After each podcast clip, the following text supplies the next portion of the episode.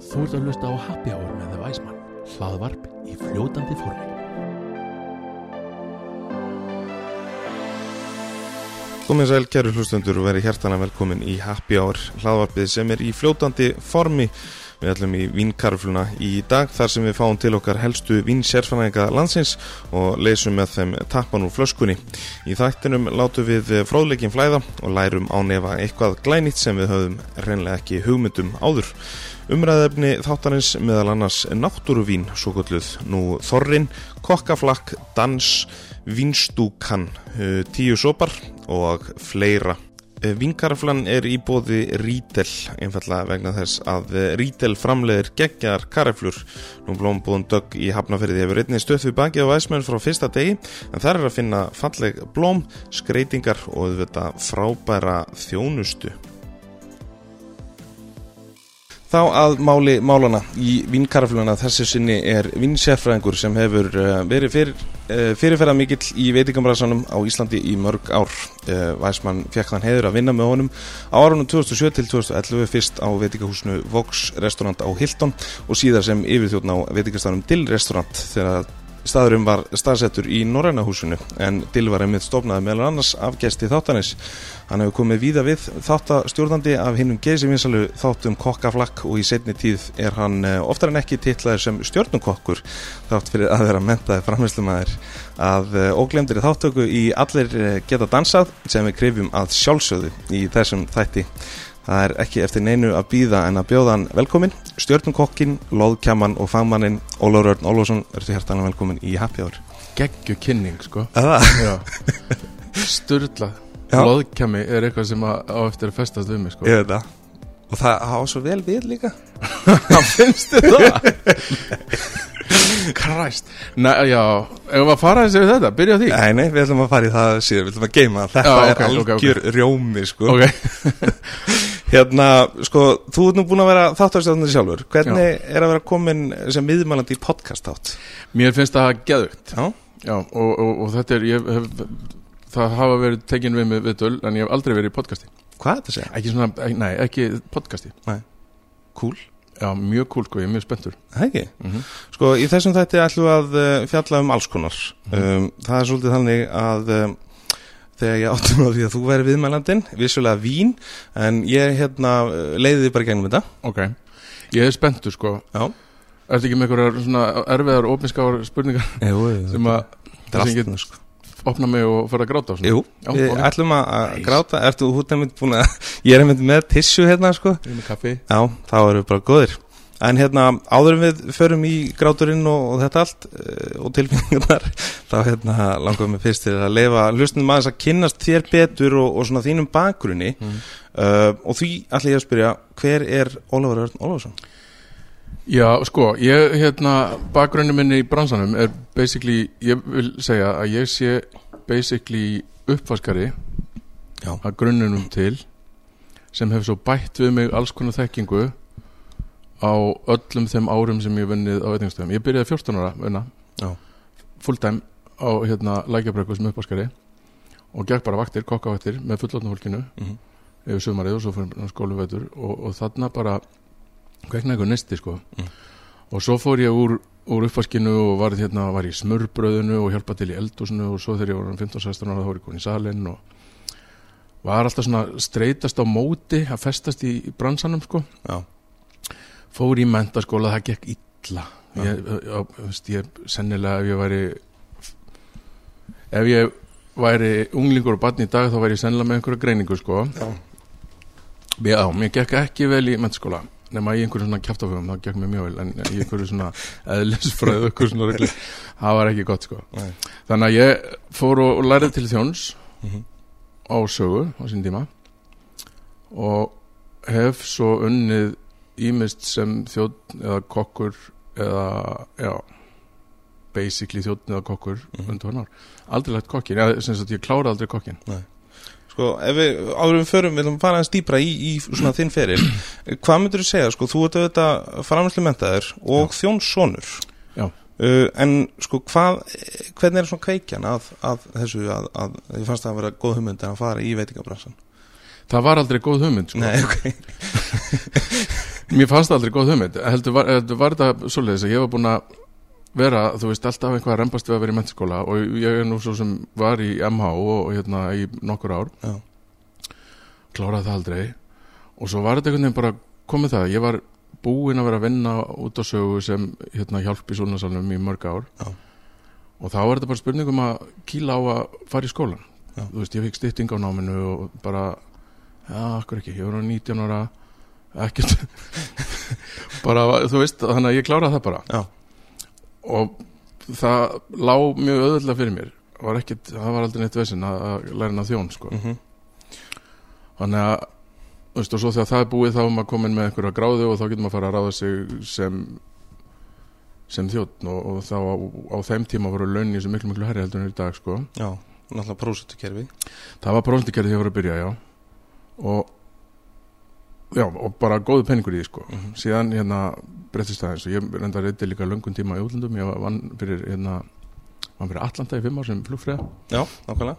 Ég tengi við flugfræðustæð já, það er sennilega gæti við leiðilegst að vinna sem ég verið í sko. Aha. Já, ógeðslega leiðilegt. Já. en góða við var að ég hérna vann yfir litt í tvo mánuði og tók mér frí í mánuð. Já, kom heim í hálfa mánuð og ferðast svo bara um heiminn í hálfa mánuð já ok þannig að á þessum fimm árum fór ég ansi víða í heiminum sko. Mhm. og aldrei peninga, fólk var í þessu og var að sapna peningum og eitthvað svona ég eitthvað öllum minnum peningum í ferðarlög sko. Já, þannig að þú hefur farið við það já, verið hér og þar En hérna, ef við förum bara í raun, uh, höldum áfram frá því að þú uh, lærið til þjóns á, á sögu Hvert er förinni heitið eftir það? uh, shit, þetta er svo langt síðan Andri ég, hérna Þetta- ég útskrifast ég, ég byrja að læra til þjóns. Fyrsti dagurum minn á samningi er 1. mars 1989 Já, ok. Það er, já, það er bara það bjórdagur er björndagurinn Ok, þá byrja ég að læra til þjóns og útskrifast á tveimur ára setna og hérna ég var eitthvað aðeins að vinna sem þjóttn upp í Súlnasal eftir ég útskrifast og áður ég útskrifast þar var líka. Hvert fór ég svo? það er stóra spurningin Hvað er mannst eftir þér? Eftir, eftir ég man vel ekki þetta þetta er 90 Já, ég veit að hver mann því. Man ekki þetta er 90s maður. Nei, nei, nei, ég, jú, ég fór að var, þú veist, ég var að vinna ég fór að vinna á Hotel Örk og ég fór að vinna á Lækjabrekku. Já. og svo, svo fór ég til útlanda og svo, svo byrjaði ég reyndar 93 eða 4 og þá fór ég að læra kokkin á Jón Tannlegustum á Já, hjá, hjá Ulla Fimbjörns Já. og það var skemmtilegt, veðsenni var ég var hérna yfir þjóttn á annar vaktinni Já. og yngsti kokkanemmin á hinnu vaktinni. Þannig að dýnamingin var daldið sérstök ég, ég verð að segja rétt svona Þú veist að ég mann því. Sko, Úlfa Finnbjörns uh, Hérna Frábæmaður Já, dásanlegur og á þessum tíma var náttúrulega bara var hann mesti pródísér kokkur á landinu sko. Já, hann er alltaf búin að vera mikið í þessum uh, villi bráðar Já. og þessu þar. Veistu hvað gerðist til þennan daginn? Í, Nei. í einu þætti? Ég drapp Ha, Já. Ég var að meina sagður Úlfa Fimbjörnsson heitin að Já, ég var náttúrulega að meina sko Úlfar Eisters Já, hann er döður, ekki Úlfa Fimbjörns Nei, ég veit Hann er bara upp á grandóttir Hann, já, bara ég, ég hefur aldrei verið jafn lifandi sko. En þetta gefur málingin eitt við. En ég er bara að nýta tækifæri að beðast afsökunar á því. Bara sjátt átt fyrir Úla Já, nákvæmlega. Nei, hann að ég var þar í svolítið tíma í eldursunni þar og, og svo var, var þetta bara mikið skilur bara vera að vinna alla daga 12-14 tíma dag. Já, þó maður sé ungur sko. Já, Svo fyrir til útlanda og var þar alveg í, í já, næstu í sjö ár Þú varst í, eitthvað í Danmörku, var það ekki? Nei. Þú varst aldrei í Danmörku? Jú, jú, einmitt, ég fótt til Danmarkur Já, ég hef náttúrulega opnað kaff og leo sín tíma Mm Gerði það, Mhm. fljótlega eftir útskrift Og þar kendi ég heilli kynsluð af íslenskum listamönnum að drekka kaffi og drekka bjór Já. Og við ákveðum bara þar að hérna, við tókum hann við Máluðum og gerum eitthvað Og svo ákveðum bara, við skulum vera bara með gott kaffi Frí ábót. Og ódýran bjór. Já. Það er okkar. Og svo gerum við, við reyndar með mókslag og flotta matseðlu og eitthvað.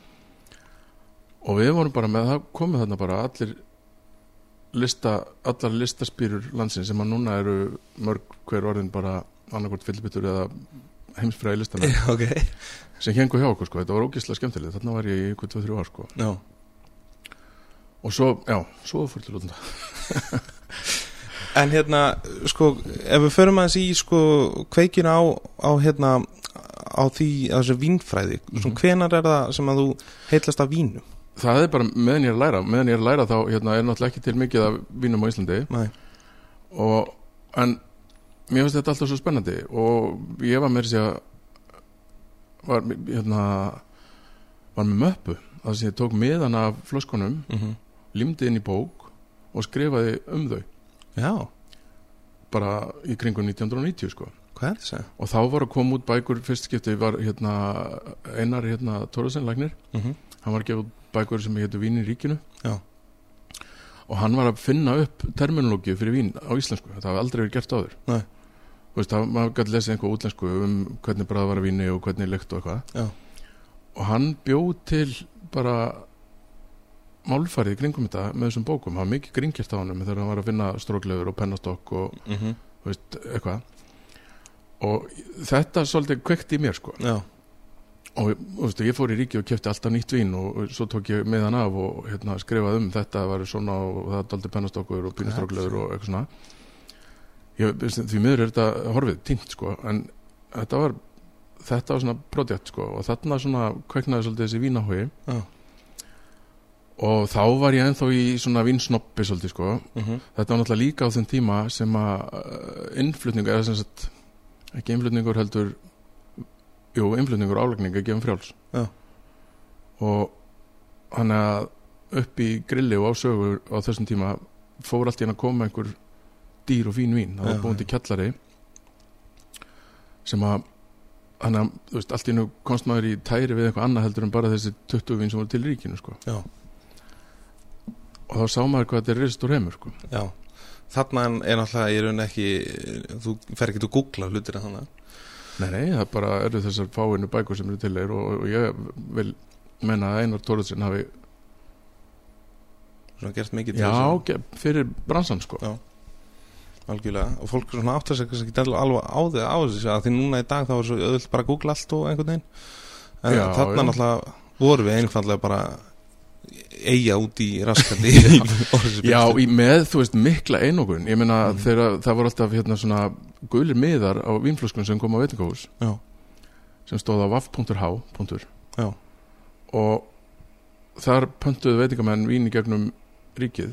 Já, og það kom þessi guli miða og það var, og ef að þú varst að selja flösku sem var ekki með þessum gula miða á veitingahúsi þá varstu svikind og skatti sko. Já, menar þannig að það var alltaf á stöðunum var alltaf til svona miðar voru kroppaðir af flöskunum. Já, til þess að vera þetta já, ok, til þess að svindla þess til þess aðeins, já. Já, snill. Maður fekk lána flösku heim og fór að kefti í ríkinu aðra til þess að skila og þá var til miði til að setja á hann sko. hérna, manstu eftir einhverju svona vámómenti af einhverju víni sem þú smakkaðir? Eitthvað svona fyrsta svona sem var bara vákað þetta er geggjað svona horfa alveg tilbaka nei, nei, ég er svo heppinn að mér finnst yfirleitt bara eða kannski óheppinn mér finnst yfirleitt bara það sem ég er með fyrir fram að mig hverju sinni vera skemmtilegast já, sko. já, og þess vegna finnst mér svo gaman að hafa upp á einhverju nýju og einhverju skemmtilegu Já. og, og veist, síðasta hugmyndin er alltaf besta hugmyndin sko. já, já, algjörlega. þannig að veist, ég smakkaði geggja vín í gær til dæmis já. Og þú ert forvitin. Já, já, já, og það er það sem að þú- verður að vera, þú ætlar að vera í þessu sko, ef þú ætlar að kafa djúft onni í vínflöskuna mm -hmm. og hafa áhuga á því sem er í henni þá þarftu að, það þarf að vera svona nördaelement í þér sko. Já, að þú þarft að nenna að lesa þér til og þú þarft að nenna að ná þér upplýsingar til þess að vita eitthvað aðeins meira. Og mér finnst, mér er alltaf fundist að ég þurfi að vita meira heldur en gesturinn. Mm jafnvel þó að gesturinn viti mikið. Já, þannig að ef að ég fæ vínflösku hendunar þá les ég um hana og ég les um framleiðandan ég les um hvernig, hann er- hvernig það er gert og hvernig þrúðunar eru. Mhm. ég er ekkert endilega básuna það. Nei. en ég, þú veist ég er með það já, inn í mér mm og ef einhver ætlar að fara að spurja um þar upplýsingar Já. þá verður það til sko. Mhm. bara mannstu að vorum á dill? Já, við lögum ógislega miklu áherslu á þetta. Við sögðum fólki frá því þú veist, þetta vín er frá þessu svæðu og þessum þrúum og gert að þessum vingir manni gjör svo vel. En svo allar hinnar upplýsingarnar mm lögðum við mjög miklu áherslu á að hafa -hmm. Það- ef einhver skildi vita þér sko. það er svo cool að geta komið með það síðan sko Ég- það er bara, bara betra fyrir fólk í þjónustu að vita hvað að er, vita sko. Já. við erum náttúrulega ennþá því meður að díla við það að fólk veit kannski ekki eins og hvað súpa dagsins er sko. Nei, ég, hérna fór einhvert, ég man ekki hvert einhvert út á landi Já. Hver er på dagsins? Hann er svona brún legendary herru, heldum áfram með hérna Fjart mér en ekki. Við ætlum aðeins að tala um liti hérna aðeins síðar. Ég held að þú viti hvað ég er að fara að tala um. Um liti? já, Nei, það er mögulega grænan og hvítan lit. Koma aðeins síðar. Ok, spenntur. Það ekki? Hérna uh, Síðan uh, eftir flakkið þitt Þá kemur þú hana eitthvað hjá Atlanta. Já, Hvenær er þetta á búðum? á búðum er ég 2003 til 2005 Já. Og tek þátt í því basically með Viktor Sveins að opna nýja hótel á búðum ég kemur hendar með einhverjum tveim mánuðum eftir að opna. Já. En er þar alveg í tvö ár. Mm. og það er einmitt bygguð til mjög metnafullan vínseðil Mm.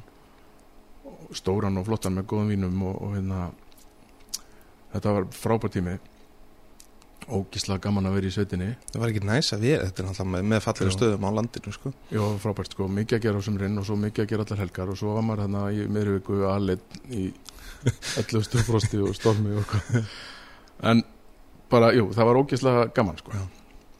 og þetta var náttúrulega líka á þeim tíma sem að var mikill uppgangur veist, það, það er alveg blúsandi góðari og, og hérna allir allir útrásavíkingarnir mættu bara Já. Þannig að við gátum verið að selja þessi dýru fínu vín mm -hmm.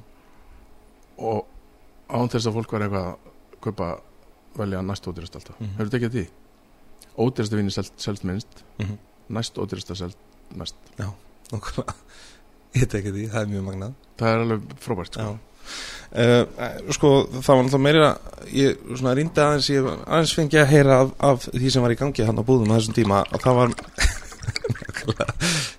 næst að hafa vatnina uh, sko þetta var ekki bara léttvin sem var uh, hérna til fyrirmyndar. Það var í raun uh, sterkvin, þú veist, konjak og alls konar svona sem Já, var líka svo reyðum við. Ása sko. Já, já, Ása hérna sem að var svo slipparnu, ég kynntist honum þar sko. Já, og hann var, er, er sko ef einhver er nölli þá er það Ási sko. Já, og hann var þá eini Íslendingurinn sem að og ég ekki sennilega það bara ennþá sem er með gráðu í tequila bara vottaða frá Mexiko mm þannig að hérna, barinn á búðum var best stokkaði tequila bar landsins og bara Norðurlandana að því það bara var bara farið í það að finna alls konar eitthvað skrítið og svo var komið rom og það var komið konjak og viski og grappa þetta var, þetta var geggjað bar sko Mhm. og ég ætla ekki að taka hefurinn á því að því ásjá það allt saman sko. já, já. skuldlust sko. hann á að koma hérna í, í þáttum tífin hann á, á mikla sögu í raun í, í uppgangi náttúrulega kóttela koma því síðar Já, þegar við fyrir með slipparinn síðan eh, þegar um, þú sölar um frá búðum er það ekki rétt hjá mér að uh, Voxi kalli það var í Æslandar Hotels, jú. Og ég reyndar, ég meiri segja var þarna fyrstu þrjá mánuðin þegar Vox opnaði já, fór svo á búðir já, ekki bara, já. svo bara, haft sambandið mig og mér fekk bara þetta tilbúðum að vera þarna veitingastjóra búðum og Mm -hmm. já, ok, í staðan fyrir að vera þjóttn á golfinu á, hérna Vox sem að var frábært en svo fór ég aftur á Vox og tók við þar sem veitingastjóri Mhm. hvað er þetta, 2005 eitthvað? Já. og byrjaði þar með Hákonum á og svo kom hérna Siggi Gísla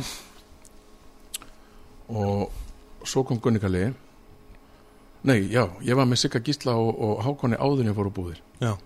og svo kom Gunni Kalli og við ákvaðum í sammenningu meira hann samt að hérna innleiða nýnorna eldhúsið full force mm -hmm. á Vox og það var barátta sko Já. við þurftum að berjast við hérna, stjórnendur hótelsins bara til þess að fá að vera að því við vildum vera algjörlega dogmatik í þessu. Mm ekkert súkulæði og ekkert veist, engar ólíólur eða neitt svona, bara tókum þetta bara eins og í rauninu og eins og reynir að ég gerði í upphafi á nóma sko. Og við þurftum bara að berjast fyrir þessu sko. Þetta lítur á þótt svona menn hafa öruglega ekki dýmyndum að menn hafa verið, er stjórnur hafa verið mjög hrettir við þetta. Já, já, já, og á sama tíma var hérna var verið að reyna að ná í kínverska túrista. Já, um mitt og það var ein hugmyndum að setja kínverskan stað í, í fremri hlutunum á Vox á bístrónu og við bara, er eitthvað rugglu við getum ekki verið með hérna metnað fylsta veitingastað landsins sem að býður upp á nýnorðana mat og þú þurft að labba í gegnum kínverst fyrst sko. Nei, það er, okkur fannst það ekki gangu það er confusion Þannig að sem betur fyrir tókst okkur að, að hérna, þrætti fyrir það, það voru ráðnir ykkur í kínversku kokkar hérna og, og, og, það var sett bara upp kína hlaðborið í fundarsólunum sko. mm -hmm. En ég, þú veist, ég er mjög stoltur af þessu verkefni sko, Mhm. að því að okkur tókst þetta, okkur tókst að, það var ekkert brjála að gera á Vox, en okkur tókst að, sko, náttúrulega, Afsakið, Gunnar tókst náttúrulega að gera matinn frábæran Mhm. og mér og, og, og mínu teimi tókst að gera salin þannig að við skiptum hann svona upp þú veist þannig að, að hann varð stað, hann var náttúrulega reysa stór Já. en við náðum að gera einhvern veginn þannig að við gátum gert úr hann svona þrjá litla restauranta Mhm. í staðan fyrir einnig reysa stóra og það virkaði Mhm. Þú veist, þá, þá var komið svona meira intím stemming og það var geggja teimið þarna sko. Mhm. Þetta var mjög flott. Og við vorum að, þú veist, ég, ég seipir allt kampæðin á tímbili Þú, ég opnaði með sverði allt kampæðin Já, sem já, við gerum á já. tímbili það var, var já, nákvæmlega. Ég, ég held að ég, verið komið á Nei. það það var hérna Nei, það, það er meðlans, það ákvæðum við. Við ákvæðum bara, ok, hvað gerum við? Við dekkum ekki upp með nýjöpurum Nei. heldur dekkum við bara upp með kampænsklasi Mhm. eina, svo kemur fólk inn og þá spyrum við viltu byrja kvöldu að glasa kampæni Mhm. flesti segja já, að því flesti vilja kampæn Mhm. og þá gáttum við bara, jökum við bara sölu kampæns á landinu Mhm. bara alveg tölvert sko. Sem fluttum inn okkar eigið og svona, þetta var Já. bara mega næ sko. Ma- Margrey, Marge, já, ógislega gott stöf sko. Geggjað. Ég held að sé ennþá. Já, ég held að líka. Ég held að líka sko En þetta, svona, talandi um þetta af því þetta er ákveðin svona þjónustu faktor sem að er verið að implementa þá á staðinn. Vantar þetta ekki svolítið bara í bransan að fólk hugsi einmitt þetta? Mér finnst það, mér finnst sko þjónusta á Íslandi í of miklu mæli vera reaktiv frekar heldur en proaktiv mm -hmm. og, og það er ekki það að auðvitað erum við að reyna að selja, við erum að reyna að auka söluna. En við erum ekki síður að láta gestin vita af því hvað til. Þú veist kannski ekki endilega þú getur fengið gott kampæn í glösum nema ég segi þér það. Já. og kannski þetta þú veist þetta er ekki til að spyrja um það. Nei. og þetta er, þú veist þetta með sko það er alveg að verða búið úr glasinu vilt ekki annað það, frekar heldur en að býða þangar til að panta það. Og það er ekki þetta er ekki ítni, það er miskilingur sko. Já, ég og ég held að í okkar þjóðasál finnist okkur þetta að vera ítni. Mm -hmm. og ég, ég er búin að eða mörgum árum ég að reyna að breyta þessu sko. Og þetta er, flestir fíla þetta. Mm og svo líka einhver þetta söluna vegna þess að kannski ætlar ekkert að fá þér annan drikk -hmm. en svo kemur þjóttnir og segir "Á ekki að toppi vinglasið þetta Mm -hmm. ha, uh, jú, ég kannski hef kortir viðbútt þetta stakka kökuna hjá veitingamannum en þetta veitir líka miklu betri þjónustu að vera reaktífur hérna proaktífur frekar en reaktífur Var ekki líka hægt að segja að þetta væri raun munurinn á afgreðslu og þjónustu? Jú, einmitt. Vel það. Sko, hérna síðan uh, við kynnust hana á Vox þá Mhm. var allt einu mættu dýrari tíman með Dýrartípa mættur. Aflita hár massa svakar og aflita hár Við vorum svolítið tíma að drepa það niður. Það tók smá okkur tósta Jesus það eru sko það eru komin 15 ár síðan. Ég held að þú heitir ennþá Andri Nemi í símanum mínum sko. Já, það mun aldrei verið þetta ég var nú líka ég held að þú hafur aldrei haft nema jafn lengi því að talandi um Vox uh, eftir það fórum við yfir á dill Já, við vorum nú ekki hérna Já, fólk held nú að við vorum ekki alveg í lagi sko. Nei, nákvæmlega En þess að við hættum, við sögðum upp í á Vox í oktober 2008 Já. Mjög tæpu tími á Íslandi.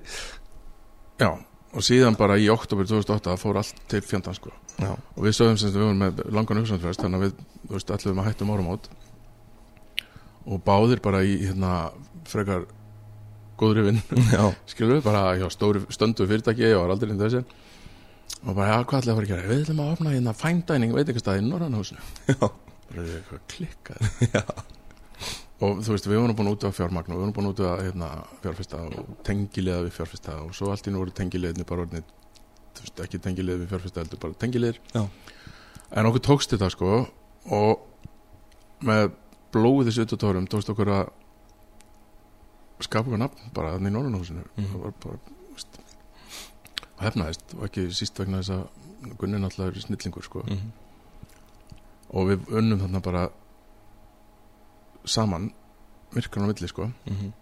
Það var einn svona fyndið saga sem að ég manna Gunni sagði mér uh, frá þessu tíma eða þú, ég manna ekki af því að við erum ekkert að tala um einhverja 12 tíma vattir hana við erum kannski að tala um 18, 19 tíma já, vattir já. hana og þetta var náttúrulega sko speysið ádil var ekki stort. Uh, eldur sig bara svipað og, og hefðbundu kústas, kústaskápur á stærð og, og svona takmarkað speys að vinna með eða, Mhm. eða rými.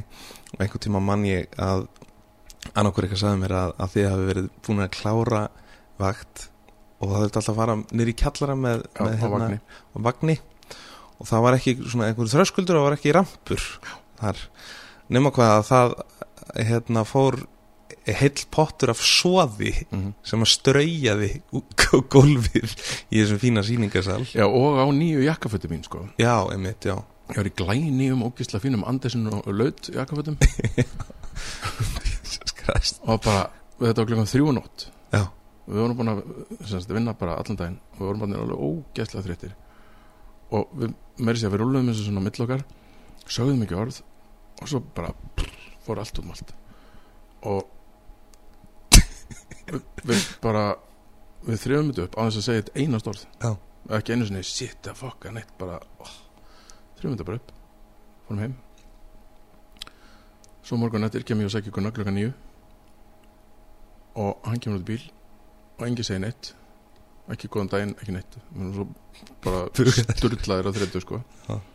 Og svo kveiki ég útarpinu og þá kemur hérna þá kemur hérna lagið Just the Two of Us We can make it if we try Just the two of us. Í alvegni Já, og þá springum við á hlátri og bara ok nú, stundum er eins og einhverja handar sé bara fokkið sko. Já, þetta er bara Já, þetta er síðan hefur þetta verið lagi okkar sko og þetta er hérna það, bara, það var ekkit annað að gera heldur en bara að halda áfram sko. En gólu að klístra þarna einhverja vikur eftir sko. Já já stundum einhvern veginn eh, það er náttúrulega sagt bara when it rains it pours. Já, það er alveg klálega í þessu tilfelli. En sko Dill var náttúrulega ákveðinu svona breakthrough í, í veitingasögunni myndi ég að segja. Og, og nú tala ég bara fyrir sjálfum mér að, að, að hérna, þarna kem ég inn mjög ungur. Og þetta gaf mér náttúrulega eitt smá mikið veganesti út í, í lífið sko. Sko við vorum fyrstir til þess að gera svo margt sko. Já, við byggum, engöngu upp á testimenu. Já. Og það, fólk sumir áttið dálítið erfitt með að skilja það. Mm og við ákvæm bara og það var dálítið erfitt þegar við vorum með engan inni þegar kom einhver og sagði ég ætlaði nú bara að fá salat eða eitthvað. Að segja við bjóðum upp á lámark þryggjarétta Já. þú mátt fá einnig rétt en þú borgar fyrir þryggjarétta en við veist, stóðum við það sko mm af því að við ætluðum ekki að lenda í því að fá fólk sem að skildi ekki það sem við vorum að gera Já. þannig að við ákvaðum hvað við ætluðum að gera og svo vonuðum bara fólk fílaði það -hmm. og sem betur fyrir voru fleiri sem fílaði heldur en fílaði ekki auðvitað, er, auðvitað fullt af fólki sem fílaði þetta ekki sko. já, já og það er bara þannig mm -hmm. Þú veist, ef þú ætlar að ketira fyrir alla þá endur með að ketira fyrir engan sko. já, já, algjörlega þannig að við bara gerum þetta og gerum það bara vel sko. Og við vorum ekki með vinseðil engangu bara vegna þess að við höfðum ekkert efnaði mm -hmm. við áttum ekkert pening, við mögsuðum kreditkortin okkar til þess að kaupa fyrir fyrsta service. Og svo fórum við bara út daginn eftir með peningi sem fengum fyrir fyrsta service og keftum við næsta Já. þetta bara literally var svona. Mm -hmm. þú veist, við vorum með alltaf ógísla næs vín í þessum pörunum sko. Mm -hmm. og það var líka fyrst, við gerðum það reyndar á Vox líka. En við vorum að bara opna geggjaða flösku sko. Mm þannig að, já, þetta var mikill skóli og hérna já, ég vona við svona sett svolítið mark á. Myndur þú segja að þetta hafi svona þú veist, þú auðvitað dreigir mikið lærdum af þessum tíma? Á dill? Já, 100% sko. Mm og ekki síður Vox. Já. af því þar vorum við bara fengum við svona nokkurn veginn eða ekki nokkurn veginn, bara frjálsar hendur til að gera það sem við vildum svo lengi sem við síndum árangur. -hmm. og við þurftum að mæta á deildastjórafundi einu sinni í viku og bara Útskýri hvað má ta- tala málakar og segja svo bara sjáðu tölunar sjáðu tölunar Já. og það gekk upp sko þannig að það var ógislega mikið skóli líka. Mm og svo að fara í þetta bara tveir, skilur Já. vera í st- l- sjá um bókald og laun og Já, já, ég er ekki góður í því sko. Nei. Og kannski munurinn á þessum tveim stöðum uh, og svona lærdómnum er náttúrulega kannski að þarna stóðu bara á ykkar eigin fótum just the two of you. Já, já. Algjörlega. En ógislega gaman og við Gunni erum bara bestu vinnir ennþá sko. Já, nákvæmlega. Og síðan þá hefur náttúrulega til gengið gegnum alls konar. Já, fengi stjórnu við. Og er alveg 100% við sem það eru að fá aðra núna. Mm. Ég held það líka. Uh, Endilega tekkið á því uh, á Dill og, og hérna Gunna. Uh, hann er náttúrulega komin heim. Gunni minn komin heim Herðu, síðan í raun og veru uh, ákvaðið þið að slíta samstarfið þar Já, eða ég ákveða ég, og ég held svona eh, eftir á hekja að ég hef verið komin í einhvers konar burnout ástand sko. Við vorum, þú veist, við unnum ógisla mikið og við vorum ekki að græða penning mm. og þetta held ekki tveimur svona dýrum starfsmönnum eða þú veist, dýrum, við fengum aldrei neitt almennilega að borga Nei. Og ég held að svona, að þetta hafi bara verið ég bara var komin okkur að endastöðna og, og hérna, þeir, þeir, seldi Gunnar bara minn hlut sko. En í raun og veru þá sýnir þetta kannski svona þína fagmennsku að, að þú lést í raun staðinn per se ganga fyrir og í raun vildi þá að Nei, ég let bara sjálf mig ganga fyrir sko. Já, ég er að segja að þú ég- að dillið myndi Mér halda áfram bara, ég var ekki búin að sjá börnum í lengi Mhm. og, og þú veist eitthvað svona þannig að ég, það, var, það var bara ástæðan ég, hérna, Já, þú veist, og ég hugsaði með mig hvað, bara, það var bara að gera eitthvað allt annað sko, ég bara fyrir að byrja út post eitthvað sko, Já. ég bara, og, og bara þetta, ég bara þurfti að hitta fjölskylduna og vera fá aðeins privat sko, En þú, þess vegna hætti ég sko. Já, en þú en svo fór ég aldrei að byrja út post vegna þess að ætlundar hóttur syngdi í vikustundum sko. nákvæmlega. Ég hef ennþá aldrei borðið út post Nei, við kannski tökum með túr hérna einhvern veginn það saman var bara. gaman sko. Ég að það komnir á svona skúter á svona. Ég myndi segja það svona þrý, þrýhjúleikar Það er geggjað sko. En hérna uh, Þá er enn uh, Ferð þú þaðan og þá kemur uh, Þú varst að sinna ímislum Svona ímislum verkefnum bara. Nei, ég fór bent á slippar Já, þú var best beint á slipparum Já. í raun og veru. Ég var, þú veist, kannski ekki að gera neitt í ykkur 2-3 manni eða eitthvað en, Já, Bara hlaða batteri 2 manni eða eitthvað. Ekki það. Nei. Og svo fór ég bara Ég vinni í Æslandrótils við að búa til veitingakoncept á Marina. Mm Sem að þá var nýju opnað Nei, ekki opnað. Nei, það var ekki opnað. Nei. Og við höfðum þannig einhverja fjóra mánuði Ég og Snorri Tórs Og náttúrulega markasteld Æslandir og, Já. steppi við skokkur og eitthvað og hérna. Og ég fór að skoði kringum mig og það var alltaf að tala um að þetta verið stór barana og bara umfældu veitingarekstur eitthvað mm -hmm. Steppi hafði aðrar hugmyndur um, um matinn mm. þannig að matseðlinn var var stór og mikill og, og flottur og ég eftir að hafa skoðað þá hérna heimtaði ég að þarna er búin til alvöru kottilbar Mm. af því að hann var ekki til á Íslandi Mm. og okkur vantaðan þannig að við fórum út um allt og, og hérna, smakkum kottila og, drukkum og ég pantaði allar kottilbækur heimsins las þær. Já. og bara, veist, það er svona svolítið eins og ég geri ef ég ætla að gera eitthvað. Mm þá þarf ég alltaf að nördast í gegna bara til þess að vit, skilur, bara til þess að að ég minnst eitthvað svo asnald að gera eitthvað. Ef ég hef ekki þekking á því. Nei, er þannig að þegar við opnum slipparinn þá ég, las ég bæði internetið og alla kottilbækur heimsins bara til þess að byrja, en þá var ekki til neina kottilbar síðan á Íslandi. Nei. Og fyrsta daginn sem við opnum þar þá hérna, var opnapartí og við buðum 400 og áttum vonað að kemur svona kannski 250 það komum 700 Jesus og enginn kunna búti kottila en ég hef búin að kenna við ákvæðum að vera með fjóra kottila fjóra kottila í opnapartínu og ég hef búin að kenna þeim sem þurft að búi bara, bara sína, þú gerir þennan drikk mm -hmm. og þú gerir hann svona og þú stýttir aldrei leið þó einhver sé að reyka eftir þér Mm -hmm. og þú bara hristir hann og þú bara klárar hann og ef fólk þarf að býða þá þarf bara að býða og þetta, þetta var bara fyrsta árin og svo bara heldum við vín og bjór eins og það var þetta út í sko og svo var bara búinir til tipp-topp drikkir hérna sko Mhm. og það var líka ógislega gaman Myndið þú segja, Óli, að á þessum tíma þá hafi í raun og veru kannski uh, veitingamenn ekki verið búin að áttis á því að mainstreamið að bólurinn hann var alveg fullkomlega tilbúin í þessa koktel senu sem að hann var ekki alveg tilbúin í það. Nei, af því að fólk var ekki til í að býða þetta drikknu sínu nei.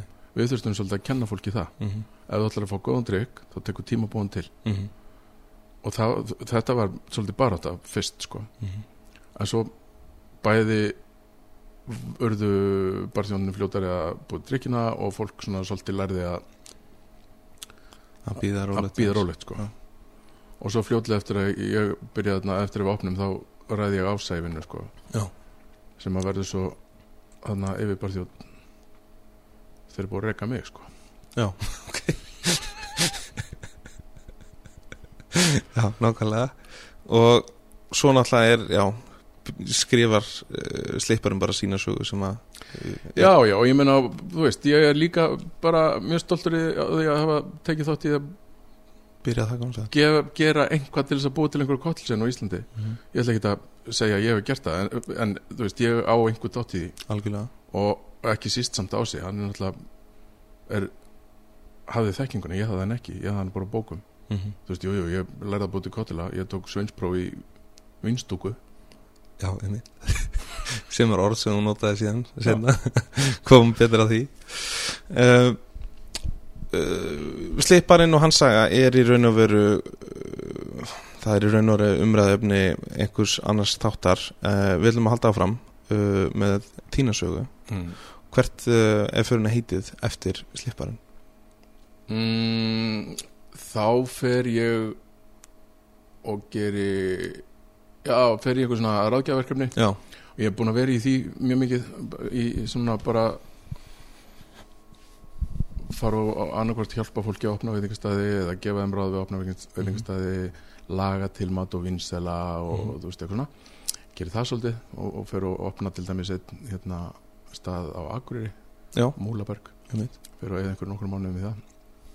Og svo opna ég kápar þar sem að ég fer aftur að kenna fólki einhverju villisögu og þar hérna gerum við fyrsta kóriska veitingastæðin í Íslandi. Mm sem að var, það var skamlíft vegna þess að við áttum ekki skap saman ég og meðegandi minn. -hmm. þannig að ég fór út í svolítið fúsið sko og svo fljótlega eftir fljótlega upp á því lognast sástæður út af sko. Já, og er búin að vera held í þrýr mismandi síðan þá. En það var, já, það var síðan er ég búin að vera bara í í þessu. Að, þú veist, ég fer á borgina tek þátt ég að opna það. Mm -hmm. uh, eitthvað svona. Sko, það er eitt sem ég langar svo að koma hérna að. Uh, Þú tala um ráðgjafa uh, vinnu eða svona consulting. Mhm. Þetta er í raun og veru eitthvað sem er alþekkt alls þar annars þar heldur en á Mhm. Íslandi. Og mér finnst við kannski þekkja þetta ekki nógu vel hérna heima. Ma, það er að horfið til þér, ég sá sang minn útbreyta og ég sagði, "Djöfull, nú verð ég ríkur af því hérna, þetta er alltaf bara þegar að ferðamennskan er að rjúku upp. Mm það er komið hótel í annarkvort fjós á landinu. Já. og ég bara, þetta er alltaf bara geðvett nú Mhm. verð ég bara, fer ég bara og býð fram þjónustu mína öllu þessu fólki, þessum hérna góða fólki sem er að opna hótel út á landi. Já.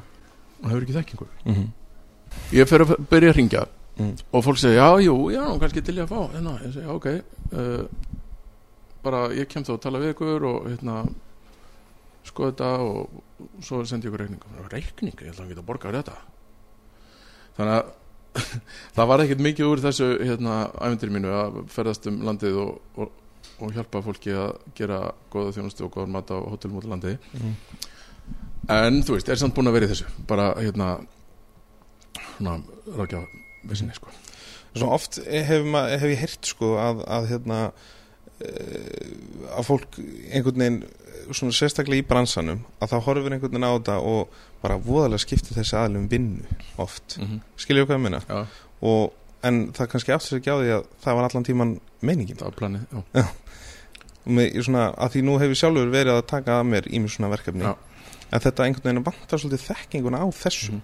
Þú veist, ég Já. til Indlands og það er bara á geðvegan koktel bara á, á Andars hótelinu í Delhi. Það er bara fyrirtæki í London sem setur það allt upp sko, skilju það er, það er námáli sko og það er bara þú veist, sennilega í útlöndum var ég kallaður startup consultant. Mm -hmm, nákvæmlega. Af því að ég kann þetta. Mm þú veist, ég kann að opna bæri og veitingastæði. -hmm. og þess vegna ger ég það.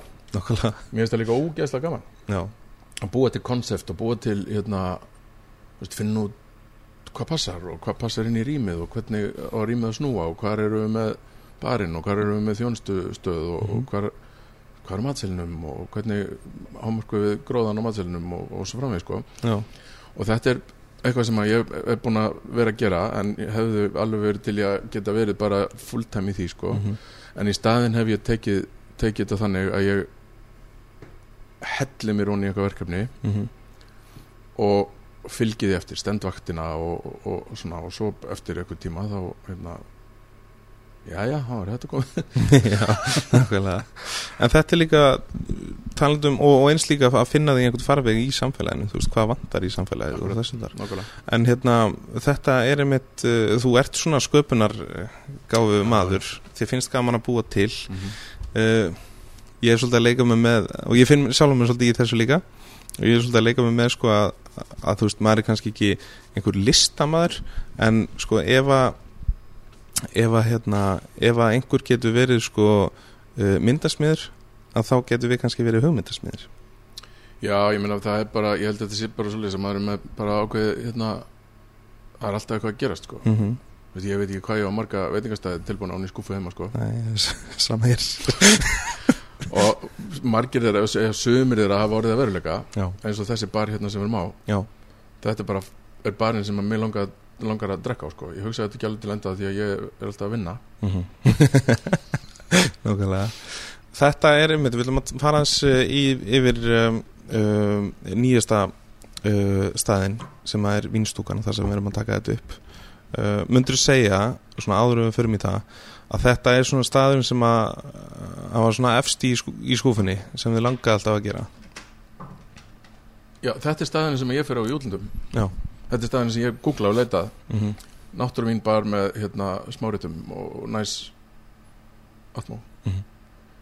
þannig að ég og, og Raggi Raggi kokkur sem Mhm. var á deil og var á holtinu þegar hann misti vinnuna þá fórum við að hérna, pæli hvort við getum gert eitthvað saman Mhm. og bara við vorum þetta er bara barnið sem okkur vantaði. Já, þannig að við ákvaðum að fá með okkur að því við áttum eitthvað penning þannig að við fengum með okkur hérna, Braga Skattarsson á hérna, sem var á veðri. Mm -hmm. og gerðum þetta bara allt með höndun lögðum parkett og smíðum bekki og máluðum og allt sko. Já. og bara opnum Nákvæmlega Sko, við ætlum að krifja uh, aðeins þetta uh, hér eftir næsta lið. Uh, Næsta liður er mjög skemmtilegur Ólafur, ok, ég er mjög spenntur. Það heitir Vinsían ok, uh, Við erum að tala um fullt af spurningum sem hún svarar bara svona nokkuð nýtt með þar en ef við dettum inn á eitthvað áhugavert að þá og ég er ekki að svara í svona löngum máli eins og ég er búin að gera það. Já, kannski stýttir aðeins. Ef þú getur það. Ég Ég tel að ólíkli ég ekki. Þú ert að hlusta á Happy Hour með The Weisman Hlaðvarp í fljótandi formi. Herðu, Óli, vertu velkomin í Vinsíuna Takk að þér Herru, fyrsta spurning. Skjóttu. Glasa hvaða víni verður til í akkurat á þessu stundu? uh, bara hvaða víni sem er sem einhver annar borgar fyrir. Ok, ekkert mál. Uh, Spurningum tvö, hvað er uh, vont vín? ég skil ekki spurninguna. Nei Nei, sko Hvernig er vín vond? uh, Það er ekkert oft vond sko. Nei. En það er mjög oft vond reyndar á opnunum og listasýningum í plastglasi. Það er vond. Já, nei.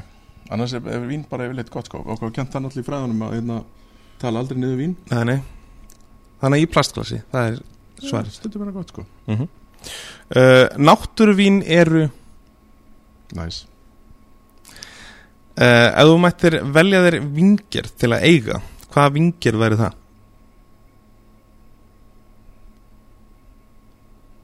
Eitthvað uh, Ég veit ekki eitthvað, eitthvað lítið og notalegt í, í Suður Fraklandi Og uh, það eru þrúur Þú velja þér þrjár rauðar og þrjár hvítar. Gamay. Pinot Noir. Uh, Grunas. Í rauðu. Riesling. Riesling. Sauvignon Blanc. Herru, þetta er svolítið Já. skemmtileg spurning.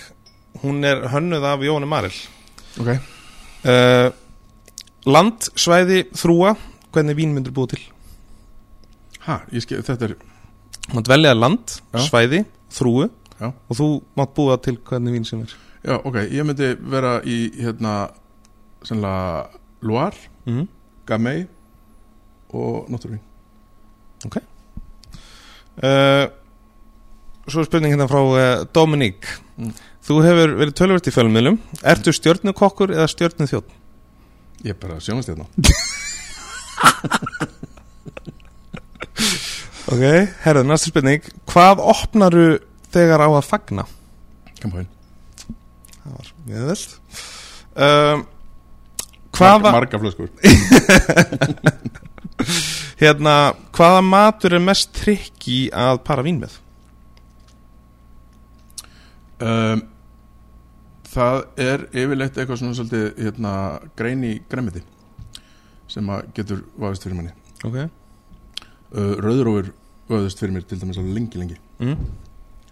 Það er eitthvað svona. Það er, það er oft eitthvað græmitis tengt sem er erfiðast að bara vín með Ok.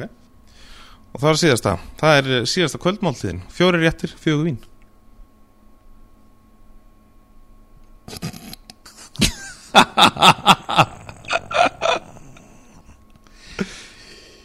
Síðasta, sko, ég, mér finnst nú líklegast samt að síðasta kvöldmáltíðin eða vonandi verður síðasta kvöldmáltíðin bara með röri. Skilur Ég skil hvað það meina Væri það ekki bara að hæfa það taka einhver, sem einhver annar sem einhver annar heldur á. En sko þú veist, ég bara ég myndi vilja borða kaviar og skellfisk og hérna smjör. Mm. alveg endalaust. Og svo myndi ég vilja drekka sennilega bara eitthvað kampaðin með sko. Já. bara þrjár tegundur af kampaðinni Mm -hmm.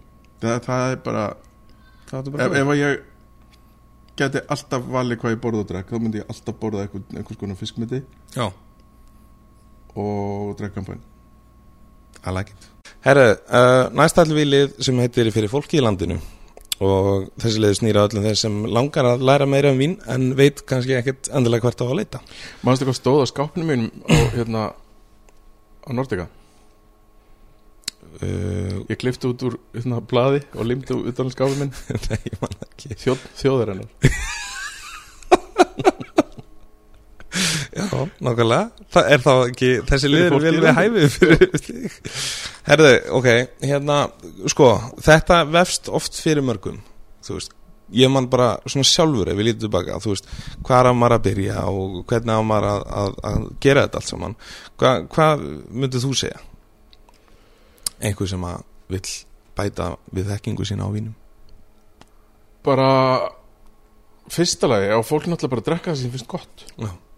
Og ef þér finnst ekki gott að drekka hvítvin með fiski mm. ekki gera það basically og síðan er önnur regla sem er mikilvæg hækkaðu flöskuna þeina sem þú kaupir ríkinu um svona 300 kall Já. og þá ertu búin að þrefalda gæðin í verðinu sem þú ert að kaupa langmest, ég, þú varst að tala um gissur mm -hmm. lang, lang stærstu hluti þess sem seltir ríkinu er vín undir 2000 kalli Já. Og það eru vín sem kosta frá framleiðanda svona eina til einu halva evru Já.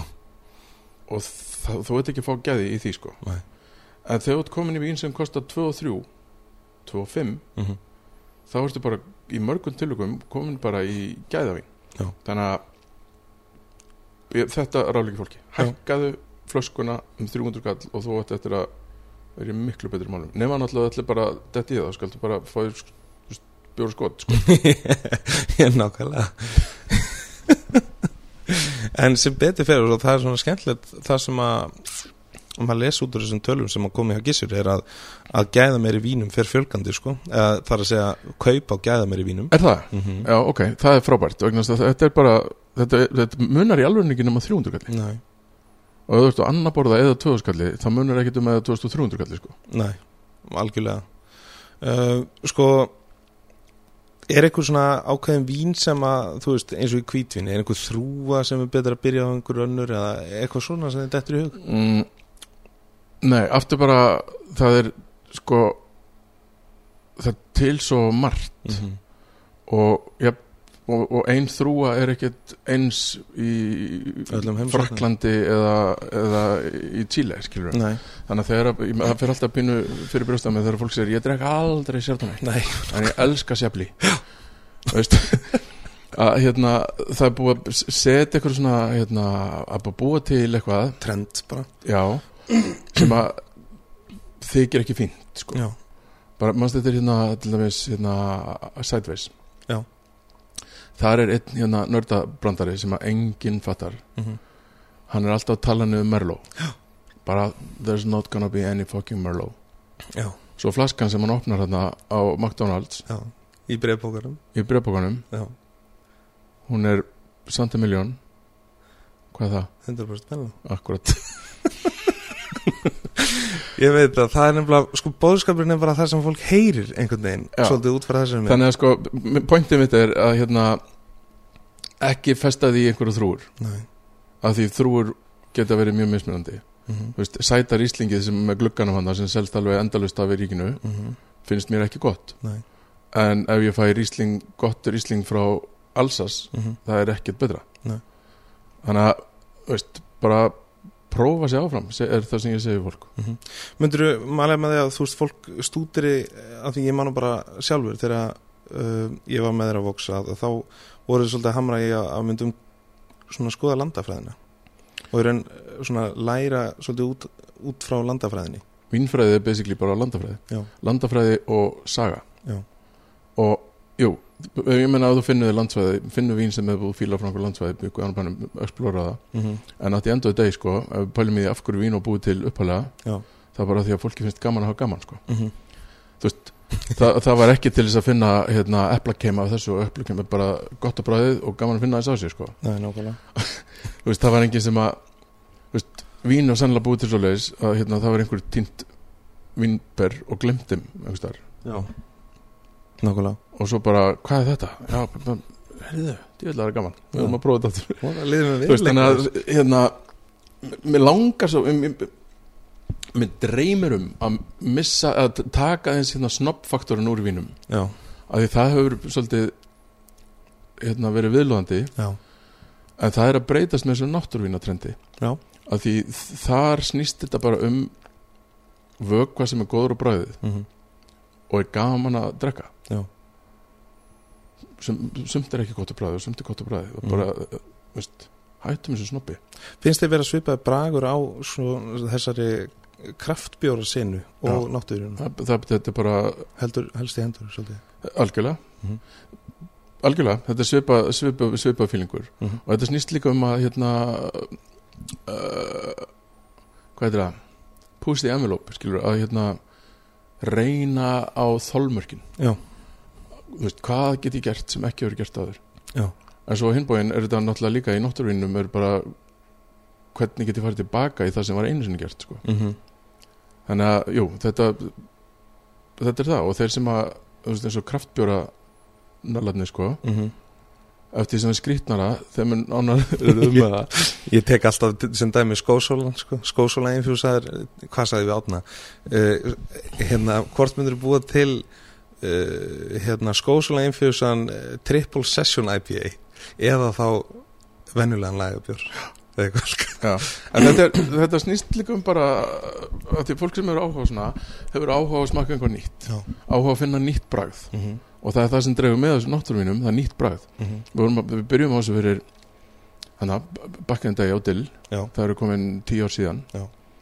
Og enginn skildi þetta sko. Mm. hvaða misvert að bjóða mér upp á þetta en það sem dró mig að þessu var bara þarna var eitthvað, eitthvað, eitthvað nýtt, eitthvað annað. Mhm. og það er svo mikið til. Og síðan náttúrulega hefur, hefur þessi náttúruvín hefur líka breyst sko. Já.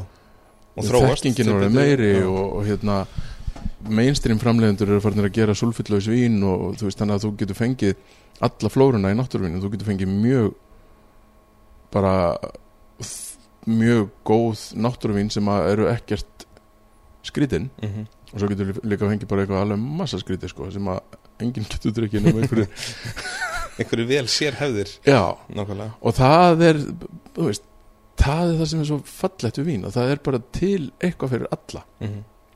þú þarf kannski að byrja að grafa eftir því sko. Já. Sko, talandum með mitt náttúrvin Þú hefur verið mikill uh, talsmaður náttúrununa uh, undanfærin ár.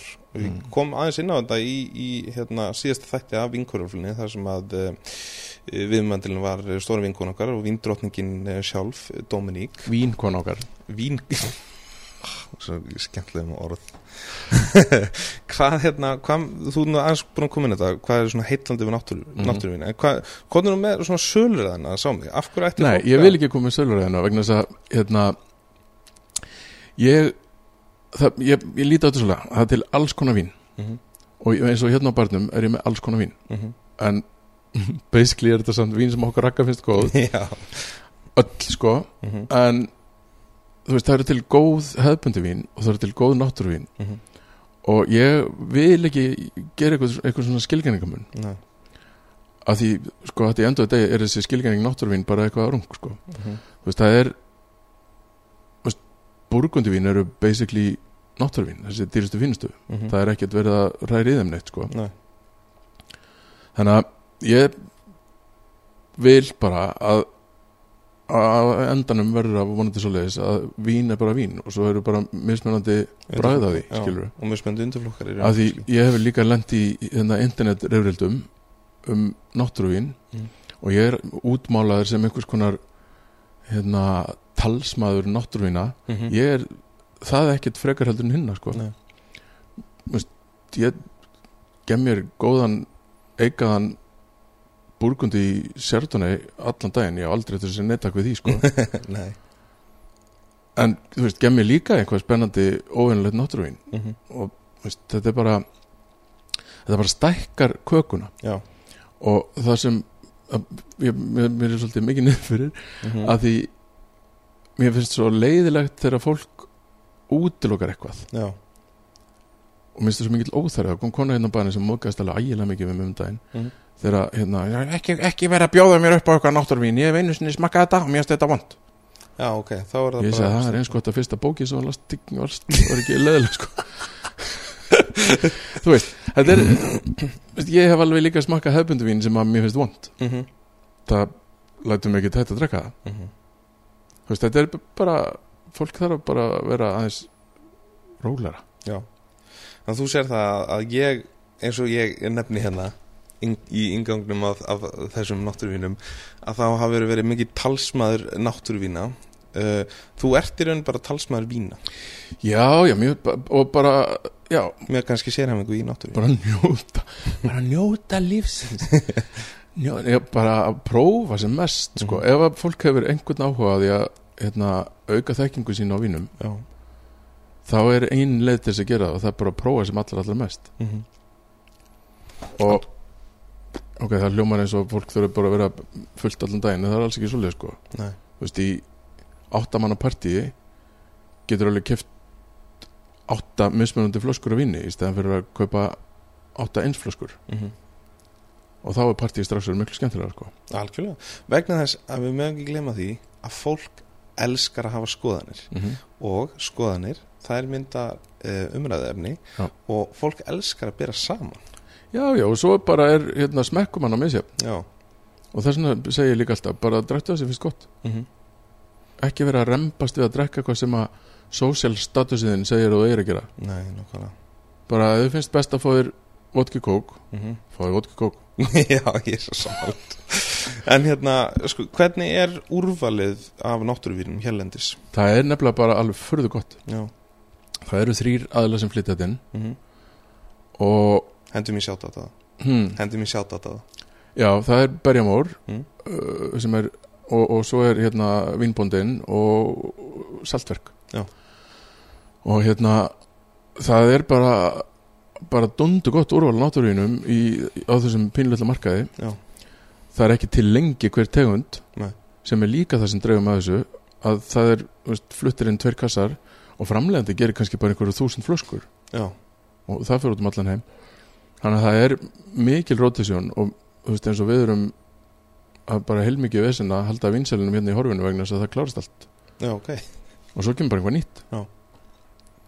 og veist, þannig að þú veist, ég allir maður get ekki verið með einhver næstu hundrað tegundir af náttúruvinni mm sem að þú veist, er bara gott sko En þetta einhvern veginn býður svo líka upp á skemmtilega möguleika fyrir þig sem, sem hérna sem eiganda að uh, það er alltaf eitthvað nýtt í gangi mm. ég meina við opnum hérna bara það sem okkur dettur í hug sko mm -hmm. og þú veist, först, 15. föstus löðskvöldum erum við stundum 16-18 fluskur opnar hérna sko Já. af alls konar Mm -hmm. allt frá mjög svona mjög hefðbundum vínum, sjómla, sjómla vínum og, og út í ykkur bara alveg mega skrítin náttúruvín sko Já. en þú veist aftur bara, þetta, veist, þetta er bara hvað er þetta gott Mhm. Nákvæmlega Og er, sko, hvernig er eins og fyrir almenning bara að nálgast þetta eh, í ríkinu, veistu þetta þess að sé mikið Já, það er til einhilla með held ég einhverjum tíu töfundum mm -hmm. og það er enda fyrir með mjög mikið tökunar mér. Það er, það er svona viðvörun. Við hillinu, hefur séð þetta. Það er bara svona stór gulumiði Já. aðtöð, þetta eru náttúruvín. Sum þeirra getur verið súr og fólki getur fundist þau vond. Já, en heitlandi ég vil fá sömu viðvörun við hérna þýsku ríslingflöskunar sem eru ódýrar. Æ, fattar, þetta ég, er eitthvað svo bara, já, ég er alveg veist, það, það er búið einhvern veginn að að holfa þetta einhvern veginn niður mm -hmm. sem eitthvað nýs sem þú annarkvort fílar eða fílar ekki. Og bara eins og við varum að tala um alls konar mismöndi þrúur eru mismöndi eftir landsvæðum. Auðvitað eru náttúrvín bara ja, misjöfni eins og fólk er. Já, algjörlega. Þannig að þetta er eitthvað svo og, og þessi, hvað, ég veit ekki, 10-12 vína eitthvað sem eru til í, í ríkinu Mm. þau eru öll mjög, mjög ólík sko mm -hmm. og ekkert endilega öll súr eða skrítin Nei. þetta er eitthvað, ég veit ekki ég veit ekki hvað er pointið með þessu Sami mið getur raun verið fyrir framann bjórrekkan þar sem eru kraftbjörðar sko. já, bara hvað sem er, mm -hmm. bara þú getur sett þetta hvað sem er Já, þetta vín, það gæti einhverjum þótt þetta vond er? Já, ég veit það veist, bara, þetta er eitthvað svo furðulegt sko. mm -hmm.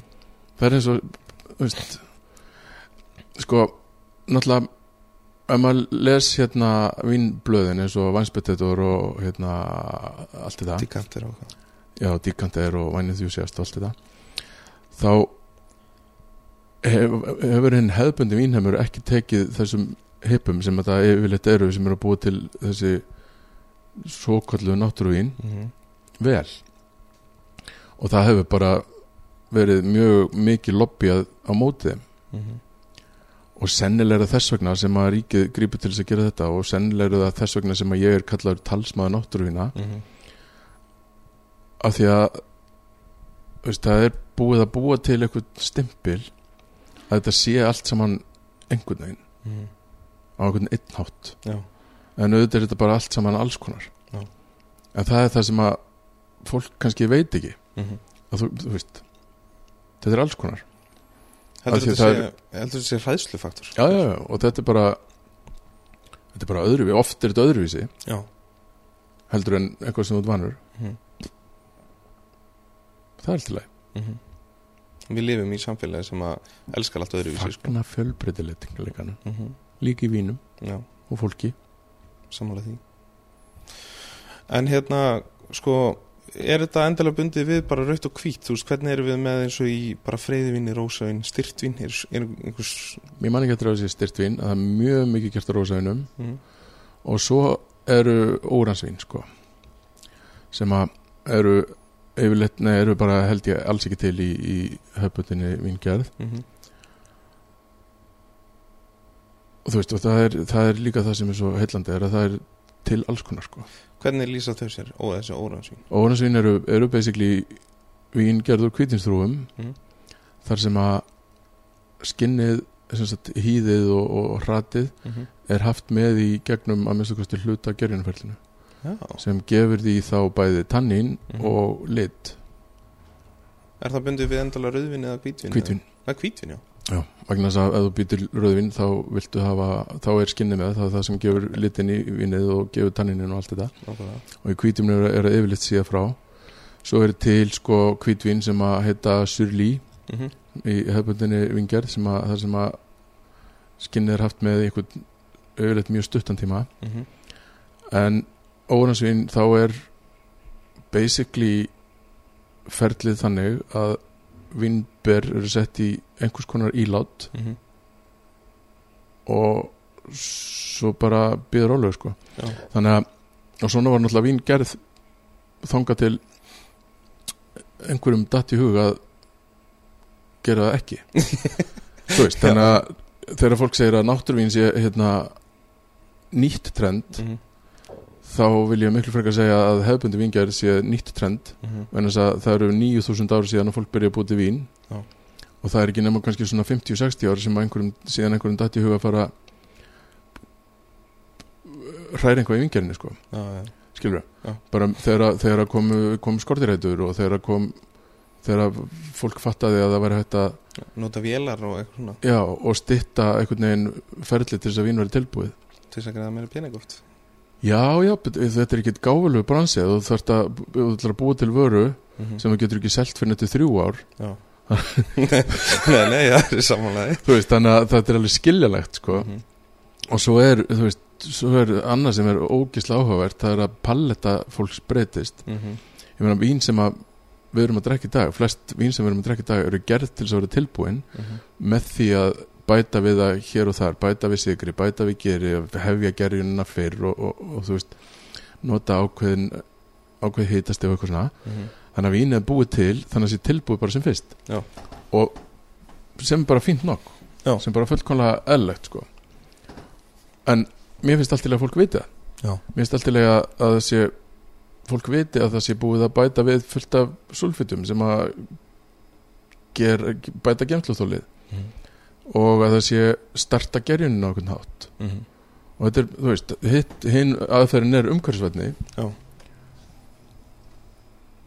Talandi um sulfit, nú náttúrulega eru kannski margir sem að gera sig ekki grein fyrir að það eru bara margir með óðnami fyrir sulfit já, en sulfit myndast náttúrulega í vingjörð Já. og sulfit er fullkona 100% náttúrulegt efni. Mm -hmm. Þannig að ef fólk er með ánæmi fyrir sulfiti þá ætti það bara ekki að drekka vín, punktur Mm -hmm. en þess að þú getur verið með náttúruvín sem er ekki með viðbættu sulfiti Já. en það er samt sko mm -hmm. þannig að það er, þetta, fyrir mér snýst þetta bara um í rauninni sett þetta bara með Já. bara ekki þykjast vera að gera eitthvað sem þú veist ekki að gera Sko gæti átíðaferð gert eitthvað aðeins meira til þess að í raun og veru íta undir, náttúrulega kannski byrjaði að taka hana miða í burtu.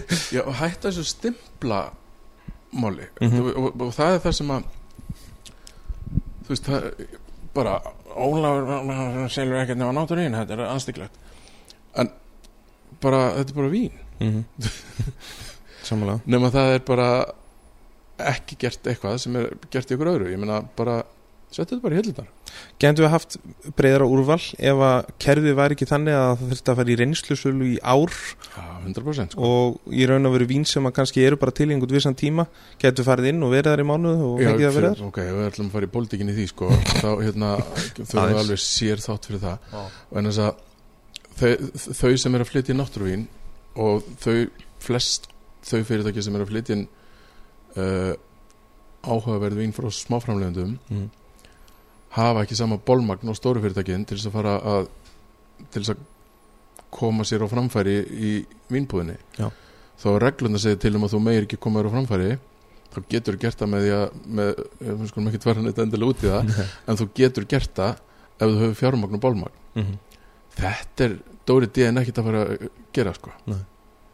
af því það bara er ekki veist, er bara, þetta er allt hugsunarfólk Mm. sem er í þessu náttúruminbransa Mm. þannig að auðvitað er þetta galla kerfið það þarf að vera einhvern veginn Mm. að það þyrft að breytast með náttúrulega það er að fara að breytast sko það er, að fara að koma í gegn frumvarp um, netverslun mm. sem að breytir sennilega allir dýnamík í vinsölu Mm. ok, þú getur svo sem keft allt í netverslun í, í ríkinu í dag sko Mm. en það verður til þess að fleiri geti geta, búið upp að verðinu sín já, sem að ætti náttúrulega að vera bara betra fyrir alla já, ég bara svo á endanum geti ég opna lilla vínbúð. Mm. algjörlega. Bráðum. Mm og eins líka bara fyrir þá framlegendur sem er að búa til vín á Íslandi uh, að Já, þeir svo- geti selt uh, sína vöru bara nákvæmlega, eins og, eins og öll bruggaríun út um allt land. Mhm. það er mér skrítið að fara í heimsókn í brugghús og geta ekki tekið með að kippa heim sko. það er bara farulegt en svo getur þú farið bara og, og heimsút einhvern, einhvern annan framlegenda sem er ekki með áfengi og þú getur bara já, hamstra það tekum með þér ost og skingu og Já, svona Já, þetta er, alveg satt og er, ég held að þessi breyting setja mjög góð sko. vil ég samt fá vín í bónus? Nei, alls ekki Mhm. af því ég held að það hérna eigi eftir að að minnstakosti tímabundið eigi það eftir að hérna bara Stoppa þróunina. minka allt úrval sem við höfum Mhm. og eins að þrátt fyrir allt er átíð að gera mjög góða hluti það er Mhm. ótrúlegt úrval Já. í stórubúðunum í, í vínbúðinni Mhm. bara á heimsmælikvarða eða þannig, skilur við Mhm. það er ótrúlega fjölbreytt og gott úrval ég held að ef að ef að vín verður left í súpmarkuðum þá á allt þetta vín sem er selt undir tvöðuskalli eftir að vera bara júrusjóper Mhm. Fólk á bara eftir að kaupa, þú veist, ég eftir að gera ég eftir að kippa með mér vínflösku og bjórkassa í, úr ríkinu, nei, úr hérna bónus Já. bara því ég er að kaupa þú veist, kjúkling og Já. mjölk og eitthvað og þar að leiðandi er ég ekki að fara í sérbúðunar og, eða þú veist, að kaupa eitthvað veist, þetta bara, að minnstu kosti tímabundið og svo jafnar þetta svona sennilega, sko Já. þannig að ég er ekkit vissum að þessi góð hugmynd að hleypa þessu alveg frjálsu Mhm. ég held að þetta leifa sérbúðir sammála því vonum að það uh, gerist bara mjög fljótlega. Uh, af því að eins og Gísur talar um að þá er aukning í geða mér í vínum það er að segja í uh, í því að fólk sé að, að vesla það. Og það er náttúrulega bara þróun sem við viljum að halda áfram. Já, það er miklu skemmtilega að drekka gott vín, sko. Já, það er miklu skemmtilega að drekka vondvín sko. lífið er of stutt fyrir vond vín. Nákvæmlega, herru, næst að þetta komið með fyrirsögnina þáttin Gestur þáttarins, Ólafur Örn Ólafsson Lífið er of stutt fyrir vond vín. Í plasklasi Herru, uh, við erum búin að henda þér í vínsjöfuna næst uh, er það vínberipressan Ok. Og uh, við ætlum að reyna að setja þennan lið á rekk mm. þetta er pressaður sko Mm. í vínberipressunni Ok. Af því að hérna, við ætlum í raun að veru að fara yfir uh, þetta eru alltaf tveir valmörugar það er Já. annarkvort eða. Ok. Og þannig erum við að tala um svona smá hraða sko. Er þetta svona þetta er svona, Ríða að drepa giftast? Þú verður bara að meta þegar þetta kemur. Ok. Herru, ef ekki að vinda okkur í það? Jó. Þá erum við klárir. Þá er það vínberipressan og íta á rekki það. Uh, tilbúin í það? Tilbúin. Ok, þá hérna ætlum við að byrja þetta. Að byrja á kvítvinni Ok. Chardonnay eða Sauvignon Blanc? Sóvinur Blank Grunni vellinir eða Givústræmínur Grunu vellinu Viura eða Silvaner Silvanir Pinot Gris eða að sístum Puyi Fusé eða Puyi Fumé? Uh, Pífumi Puyi Fumé, ok. Það er raukt Sýras eða Syra uh, Shira Cabernet Sauvignon eða Merlot? Mm, Kapsov Malbec eða Pinot Noir? Pinot Noir. Bordeaux eða Burgund? Burgund. Rioja eða Toscana? Uh, Pass Ok. Herðu Má ekki segja pass ja? Jú, jú, greilina Herðu, það var að Hvað er enga reglur í þessum leik? Já, ég verðum að búa það til bara núna. Ok. Herðu, ok, það var að svona öðruvísi vín. Uh, Vermúð eða, bit, eða bitter? Uh, Vermút Ok, hvítvín eða rauðvín? Hvítvín. Púrt, eh, Portvín eða sherry? Portvín. Kava eða prosecco? Prosecco Akkur sér ekki kampaðin, það er þriði Af því það, var- það voru ekki því möguleika Alltaf náði ég aftur sko. Herru, uh, við ætlum aðeins í mat og því ég hendi inn að einn, uh, spurningu í viðbót Ok. Varandi kokka. Mm -hmm. og bæði gangið vel með þessa. Raggi Eiríks eða Gunningali uh, Það er bannað að segja pass Já. Nei, ég ætla að segja báðir. Ok, Ég elska á báða jafn mikið. Ég skal lifa það. Var þetta að ljóta mér að pínu. Herru, í lokin Mystery Challenge, nú verður að taka vel eftir. Ok. Þeir Taka eru- vel ég er ekki góður í því. Nei, ok. Þetta er spontant vínpörun.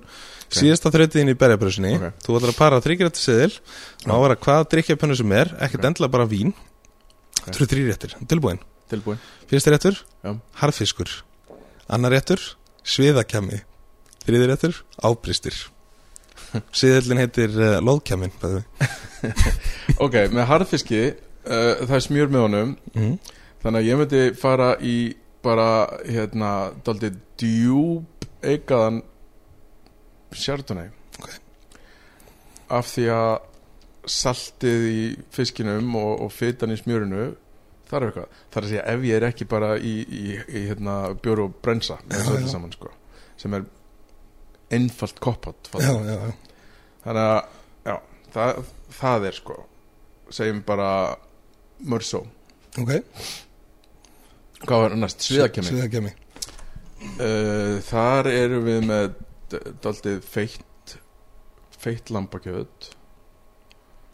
Þannig að þú þarft að hafa vín sem er hérna sennilega alkoholríkt og tanniríkt þannig að ég myndi fara í svona nútímalegan ríoka Ok, kannski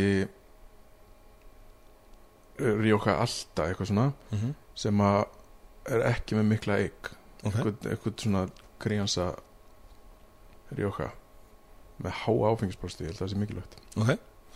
Uh, Við hæfi á þorrablóti líka? Nákvæmlega. Herru, og þá er það þriðið, það er ábristir. Uh, bara Shadow Kem 91 Já. þú veist, þú ert með feitt þú ert með sætt og setur kanl út á þú þú þarf feitt og sætt. Það er mikið saffran í, í hérna í svona já, í svona sætvinum sko, sem myndi tóna mjög vel við, já. Ég ætla að segja það, Ok. Á þessi seðil eitthvað erindin á vinstúkuna í framtíðinu? nei, alls ekki þó ég þó ég hafi lent í smá vandræðum hann á internetinu um dag að þá ætla ég samt ekki að nei, alls ekki sko. Nei. ég, reynda, ég borða harfisk mjög mikið. Já. harfisk er æðislegur. Ok. Mér finnst svið alveg góð sko í smá stund en svo fæ ég sviðskrekk og get ekki borðað lengur. En, og ábyrðstu finnst mér geggjað sko. Já.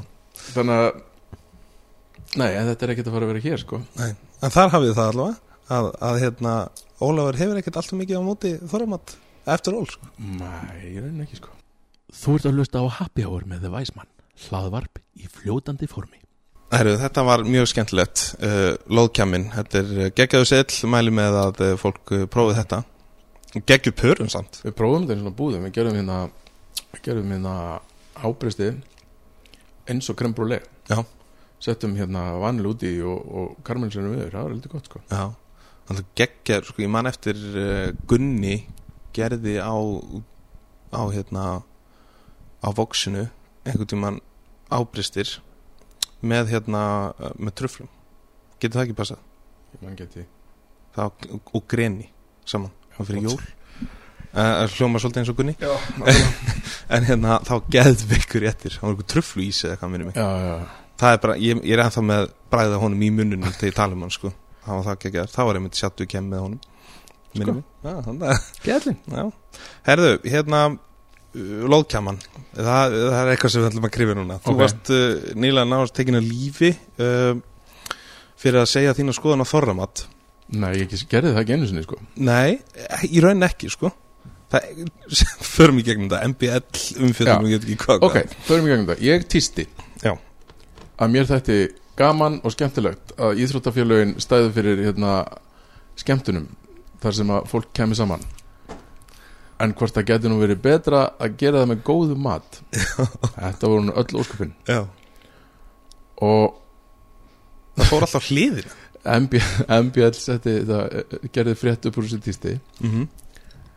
og þarna voru 75 komment og fle flest á þá leið að ég væri fáið sko. Já Mér finnst einmitt ríkalega gott hjá þér að setja upp á alls komandi já, svo tók ég svo tók ég upp á kommenti mín og setti hérna týsti þeim líka Já. og þá fór MBL og gerði frétt því líka sko. Æ, æ, þetta er samt eitthvað svo grillað þetta er fólk alveg brjálað út í mig Já. sko, af því að ég hef annan smekk á mat heldur en mögulega það. Mm fyrir utan það að ég tala aldrei um hvað mér þetta er vont að gott sko. Nei, nei, og svo kom þú veist svo er ég náttúrulega kallað stjórnukokkur það er orðið, hérna, algengt sko. Já, þeir eru reyndar hættir að kalla mig matuslumann Já ok. En þú er náttúrulega aðeins búin að útskýra það líka ég bara hef ég, ég er búin að eyða núna ég, nú er, hvað er, ég er búin að vera í fjölmjölum síðan í, sjö ár. Mhm. og í hvert einasta í hverju einasta viðtalið þangað til bara núna på síðkastið hefur verið já nú hann er komin hérna til okkar maturislu mistarinn Ólafur Rauð Ólafsson. Já, og ég er að, já, ég er nú reyndar ekki maturismestari og alls ekki maturismadur sko.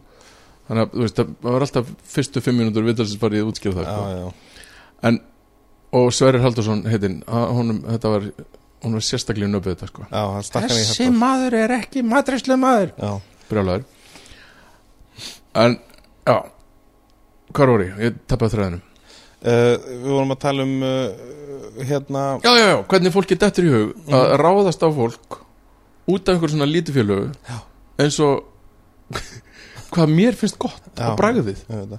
og þetta var, hérna, þetta var ekki bara fólk var ekki að segja já en þorramatur er nú svo góður Já, heldur fór það bara í þessi maður er hálfviti já, já, bara hardcore attack sko. hvað vita hvað vita svona stjörnu kokkur meira svona stjörnu eitubrastari come on. Sko, mér finnst það bestu gæðin sem að segja sögður Já, hann er auðvitað verið búin að skrifa þú veist, hvað ég að segja helvítis fucking fokk eða- sögður það, það er bara það er að versta sem hún dætti við sko. Ég held nefnilega að hann hafi eitt svona þremur og hálfum klukkutíma í að, að hérna hann er verið búin að skrifa eitthvað strúkað út. Já, já, nei, og, og sá sem blandaði Európa-sambandinni í þetta fannst mér líka heldur góður. Hvað það Æ, ég maður ekki setti júrómerkið og Európusambandið og svona veist, svona 101 lið og eitthvað. Ég byrði 105 sko. Já, latte leipjandi eitthvað drekka aldrei latte sko sko ég við er í slowpor Já. uppáhællingu kallið minn ég er ekki í latte eins og einhver plebbi Nei. Svo við eigum það þetta, þó við sem báðir hérna, svona borgarmenn að þó eru samtalið sveitalug bara innum við beinu sko. já, já, ég hluta til alveg upp í sveit sko Já, nákvæmlega Og það er best að blanda sko. já, ég held að þú veist fyrir utan að, þú veist já, hérna ekki, hérna ekki pæli mér finnst þetta mjög, hérna, fyndið. En svo verð ég dálítið pyrraður vegna þess að ef bara, ef ég hefði til dæmis verið eitthvað viðkvæmur fyrir Já, nákvæmlega. gefum okkur að ég, veist hefði lent í einelti, mm -hmm. þá hefði þetta ekki verið gott sko. Nei. En mér finnst þetta bara fyndið mm að þið, mér finnst þetta svo galið. En fólk veit það ekkert skilju Nei. Kanski hefur að því raun og veru er náttúrulega bara vera að ráðast á því sko. já, já, þú? Það er í raun bara verið að já, hún bara og, þú veist, með kjáft og klóm sko. Þetta finnst mér vera alveg ofbóðslega pyrrandi við samfélagið okkar. Er þessi uh, þetta er bara svona nettröllmennska já, já, þetta er, þú veist, svo leiðum þetta bara í ósí sko. Auðvitað, en það er náttúrulega ekki allir sem geta gert það. Nei, nei, nei. Eins og þú segir. Og, og ég bara, ég höfu í raun ekkert þurfum við endla alltaf að segja okkur skoðan skilur við? Nei, nokkulega þegið bara. Já, mér finnst þetta, já, að ég stundum einhvern veginn, ég er allavega þannig að ég nenn ekki að vera eins og söðurinn hana og, og drí, ég, ég verð að segja söður Sauður? og, og ég segi, byrju, kind uh, uh, hrútur, nei, hann er söður Já, Já. fáiði, nei, fáiði gengur ekki. En loðkjamin það er klálega vinnurinn, myndi ég segja. Já, já, það er náttúrulega lýsandi sko, ég er náttúrulega búin að vera með skegg lengi. Nákvæmlega.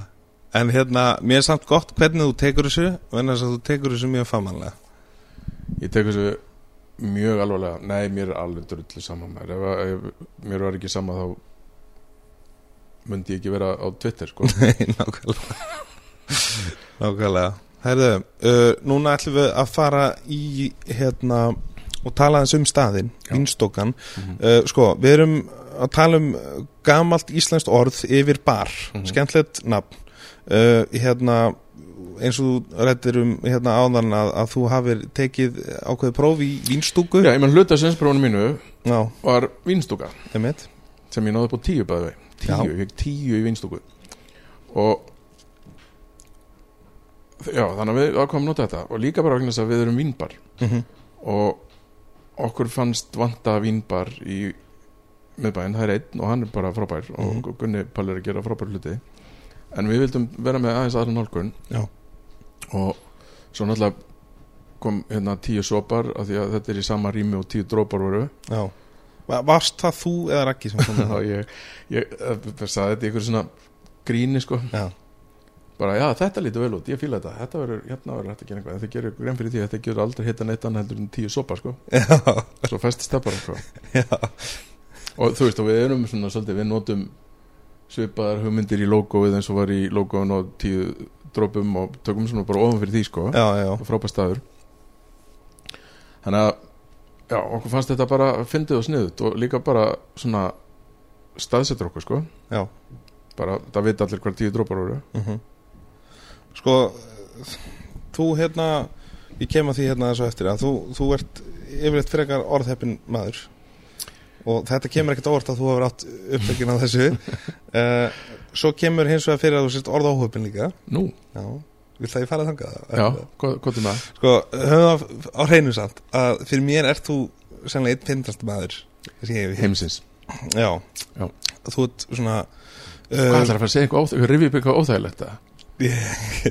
treystir mér ekki fyrir þessu? Ég veit ekki alveg sko, ég, ég er mjög stressað núna sko. Já, það já, uh, Byrjum að því allavega að uh, Ég ætla að draga úr, úr fortíðinu Tvær stöðtarsögur frá tím okkar saman á Vox. Ok. Uh, Ef ég segi hérna grænasagan nei, við skum ekki fara hérna, ekki? Hún er bara síns tíma. Ok. En ef við förum í sjálfsvíksgæsina? Já, við getum, við getum tekið það. Tökum hana. Og fólk verður þá bara að reyna að koma hingað á vinstúkun og draga upp úr já, grænasöguna. En hérna Þú veist Förum að þessi hana Þetta er Já. svo mikið snill ég man þetta ekki alveg sko. En, en sko ég vil það, mitt helsta vandamál er að ég hérna er fylgtislega sko. Já, og ég segi hluti oft áður ég er búin að hugsa þá. Mhm. Og ég, ef ég man þetta rétt þá var eitthvað sem spurði Það var Siggi Hall og frú sem á sátu þarna. Já, Inn á Vox á fútum fann og spurðu en við vorum með gæs, villigæs. Já Á sæðli Og hún er náttúrulega skotin með, með haglabissu Og svo spyr sem sagt svo var einhver ellendu gestur Þannig að konan að Siggi Hall spyr hérna þessi elska uh, Oli, did you shoot the goose? já, Og þá svarar þú uh, No, it committed suicide. Og þeim fannst það ekkert vola Nei, sniðugt, það fannst það ekkert fyndið sko Og það er eiginlega uppáhald grínið mitt sko. Já, Ef að mér tekst að segja eitthvað sem að mér finnst óstjórnlega fyndið já, og enginn fattar. Já. Það, Þá finnst mér ég að sigra sko. Þú ert sjálfuð þinn og hlærðu mikið að Já, sjálfuð bara endalust sko. Ég, hérna, Þetta finnst mér mjög skemmtilegast sko. Já. Því, já, Ég man eftir einni sögu sjálfur mér hérna af Vox fyrstuðunum þar. Þá hérna var ég að hella vatni maður nú svolítið mikið því sem nemi Mist, algjör mistar í því sko. Ég var ógeðslega góður Mhm. og var einmitt vastþjónanemi með ársins þarna Já. 2000 og Nei, ég er að byrja En hérna, þá man ég að það var hérna par Þetta var á einhver svona valentínsadegi eða konudeginu með eitthvað. Og þá sem sagt er ég að hella vatni og, og, og skvetti svona óvart aðeins vatni á sem sagt á hérna konun þessa manns. Og þá segir hann, heyrðu, þú, þú bleittir konunni mína. Þú veist ekki fara að það Sagði þér eitthvað Ég sagði það Ég sagði, já þú viljum bara reyna að njóta góðs að því Og sem betur fyrir Þannig ert í 50-50 Já. situation Og sem betur fyrir sprunguðu úr hlátri Já. sko. En það hefði getað farið á mjög slæman Slæman veg sko þér sko, sko eiginlega besta sagan á Vox þegar hérna Átni Kristjáns Já, legend uh, þegar við varum að tala um hérna kampæni aðan sko. Já, og það var hérna eldra par, eldri hjón sem komu og svo voru það að gera breykingin og veitu þessi kampæni skulle að setna við pöntuðum það aldrei. Og ég stóð þarna á og sagði, jú, ég meina okkar business er að selja mat og drikki, ég skil ekki akkur þetta að halda við ætlum að gefa ykkur ja, það kom bara hérna einhver maður og sagði, má ekki bjóðið ykkur kampæn ég bara hvað, veist, í alveg haldið að við séum bara að gefa fólki allt sem að, bara eitthvað. Svo kom vatni og sagði, já það var þessi maður. Hann sagði, má ekki bjóðið ykkur kampæn og hann sagði, bjóða? Og þá kom þetta guðdómlega svar. Já, ok, það er eins gott í bauð ykkur ekki sæti. Og þetta bara kláraði mig sko. Þetta var svo gott sko. Ég verði að fá hann í þáttu líka. Það er margar skemmtar sögur frá honum Þetta er ógeðslega gaman. En fó, maður það svona kannski svolítið að passa sig Oft á tíðum. Já, já, svo reyndar er það svo leis eftir því sem að ég eldist og, og hérna, skeggi verið grára og Já, þá einhvern veginn getur maður sagt meira sko, maður kemst upp með meira. Já, já, fólk svona einhvern veginn beri virðingu fyrir aldri sem, Mhm. sem betur fyrir, ég er ekkit að hætta að vera vilsingu sko. Nei. Ég er um 50 ára mér líður þá ég sé þessi átján sko. Já, nema ég líka en þú veist, það er svona þá svona ég get ekki sagt sonur minn að vinna með mér hérna á barnum sko. Já, og hann getur, kemst ekki upp með að segja nákvæmlega sama og ég þó hann reynir sko. Nei, nei, nei. Það bara munnar þarna 20 og eitthvað árum sko. Svo náttúrulega fyrir þetta líka bara svolítið eftir í raun og veru sko, ég líti á ef við horfum tilbaka búin að vera 15 ári í bransanum og þe- þetta er í raun 15 ára nám í mannlegum samskiptum sko. já, nákvæmlega. Þú veist að lesa grátið sko. Mm -hmm. en reyndar það sem að gerist hjá mér sko er að ég hef minnið þólum með fyrir ógurtis fólki Já, ég ég samla er því bara enga, null. Ég er alveg samla því. Og fólk sem kann sig ekki. Já, eftir því sem að, er bara, eftir því sem að ég tala eins og ég sé, þú veist ég byrja nú á eftirlaunum nei, en þú veist bara ég þólum að mín fyrir fólk með ógurtisi hún er null mm þannig að ég bara segi fólki strax ekki vera ókurtis við mig. Það er bara það er bara skilinlegt, ég er alveg það líka. En hérna, sjálfsvískjæðsinn, talandum gæs, uh, við erum á vinstúkunni, það var einhver asísku staður hérna á undan í korter og, og eða svo. nei, hann var nefnilega alveg þrjú ár hérna. Já, ok. Vietnam restaurant. Já. og hann er búin að flytja þetta nýra á neðarlögavinn Já. og við komum hérna bara og, og fannst þetta þetta er frábært rými fyrir minn bar. Þetta er geggjar í mig, sko.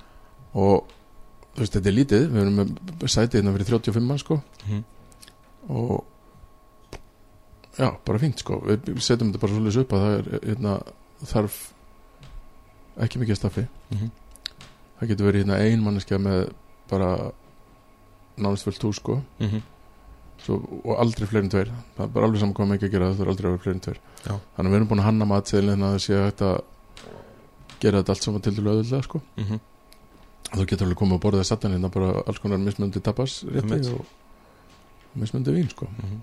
Hvernig er búið að vera? Er búið að vera og að vera fínt, við erum komið með bara daldi góðan hópa fastakonum Já. og veist, janúar er erfiður eins og allstaðar í, í, bransanum? Já. já bara nema sennilega hótelistunum að því að túristarnir sem þó komist til landsins Já. þorðu ekki út á hótelinu Já, nákvæmlega. og en bara, já, gengur bara fínt sko Mm Þú veist, má, við þurfum alltaf bæti í en, en við erum bara sáttir sko nákvæmlega. Uh, ég kom nú hérna fyrir ekkert svo alltaf lengu og það Mm. var kósi að koma hérna það er mjög næsirna og svo meiri segja sko fyrst og lögðskvöldum þá er alveg stemming sko mm -hmm. þú veist, þá hækkuðu þetta alltaf í græðunum og Já. hérna, þú veist, en samt er alltaf svo þannig að fólk getur bara að spjalla saman sko. En þú veist, við höfum alveg lent í því að fólk er brestur í dans þegar Didi Sommelier tekur völdin hérna sko. Nákvæmlega, ertu eitthvað, þú talar um það á, ákveðum tímapunktið þá varst að vinna svolítið með fler sommelier. Hefur eitthvað tekið Nei, ég hef ekki tekið það lengra. Nei. En ég fór í, hérna, Didi Sommelier fættist, sko, það sem er auka sjálfur mitt sko. Já, ok, Ég er umbúsmaður fyrir hann. Já, það er geggjað. Já. Það er geggjað. Ég fór, Við fór í alveg ég kefti DJ-græðu, sko. Já, ok, og er búinn að taka nokkuð gig ég hef aldrei fengið borga gig þetta en já, já, ég spilaði í 200 manna brúðköpi í sumar og hvað er þetta að segja? ógeðslega gaman sko. Mér finnst þetta ógeðslega gaman. Já, drikkfeldur, Dítið Sommil er svolítið drikkfeldur já, en hann er hérna hann spilar skemmtilega músík, spilar aðalega svona 80s og 90s dansmúsík sko. Já. Já, það er markað fyrir það. Ég, bara, ég, hef, það hefur maður haldið sko. Já, hygglust en hann fær svolítið stundum að hérna, skína hérna um helgar sko. Já, hann býr til playlistana. Ok. En svo er svo gaman hérna sko að við rækki gangum bara vaktinnar sko, sikur á vaktina Já. og ég hef ekki gengið vaktir bara í mörg mörg ár Nei. mér finnst það geðveikt að vera bara að gera það sem ég lærði Já. ég var bara frábært Og fangum að vinna vinnuna bara já. og, en svo er bara veist, við erum ekki með einhver svona sérstaka stefnu í músík við erum bara það sem að þegar ég er á vaktinni er allt, allt önnur en að rækja sko Já, ok og það er samt bara gaman sko Það líka gerir þetta svolítið persónleira og það gerir þetta að stað sem að er ekkert allt og útbreytt um bæinn en það gerir þetta svolítið persónlegt Já, já, menn konceptið er bara notalegheit og svo bara er mismunandi karakter eftir hver er á vaktinni sko. mm. að Því að fólk elti fólk Það er svolítið þannig Jú, kannski, en fólk heldur líka bara stemmingu sko. mm -hmm. Algjörlega Hérna við uh, ætlum að uh, fara næst yfir í það nýjasta hjá okkur sem er vinskóli vinstúkunar. -hmm. Það er eitthvað sem við þurfum að uh, Ég er rektor vinskólas Já, þú ert, hvort þetta er skólameistar eða skólastjóri? Nei, ég er rektor Já, þú ert rektor bara. Já. Ok.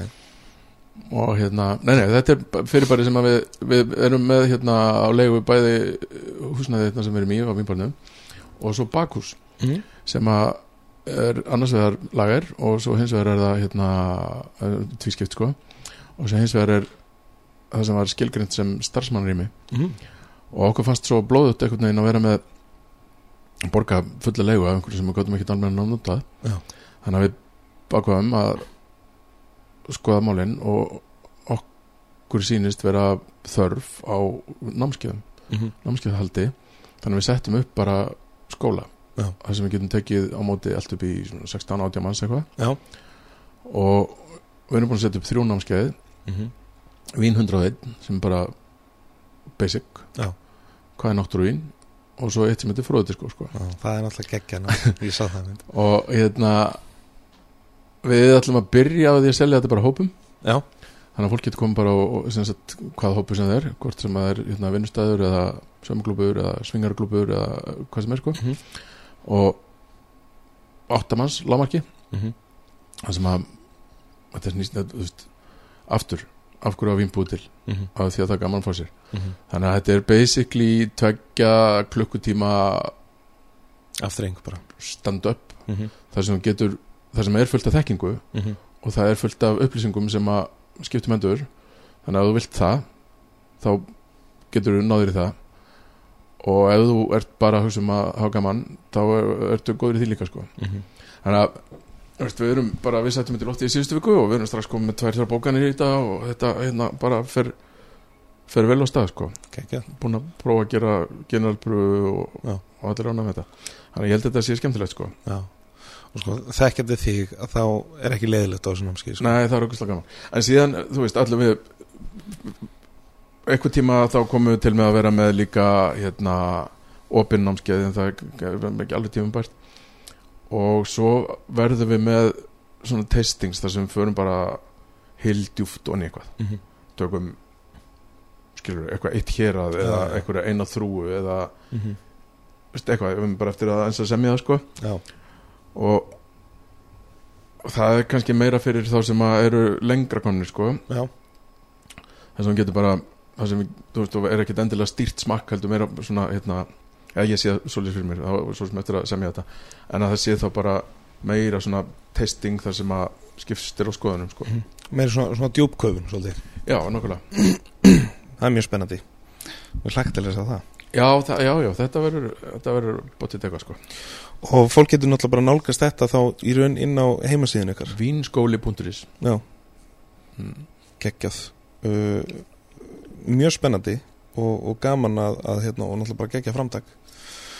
Já, ég held að ég, ég hef gert þetta áður, ég hef náttúrulega bjóð til skóla fyrir, fyrir já, og þannig að, þú veist, maður býr á því, það er alltaf, maður safnar alltaf eitthvað smá í reynslubankan hvert sem maður kemur, sko.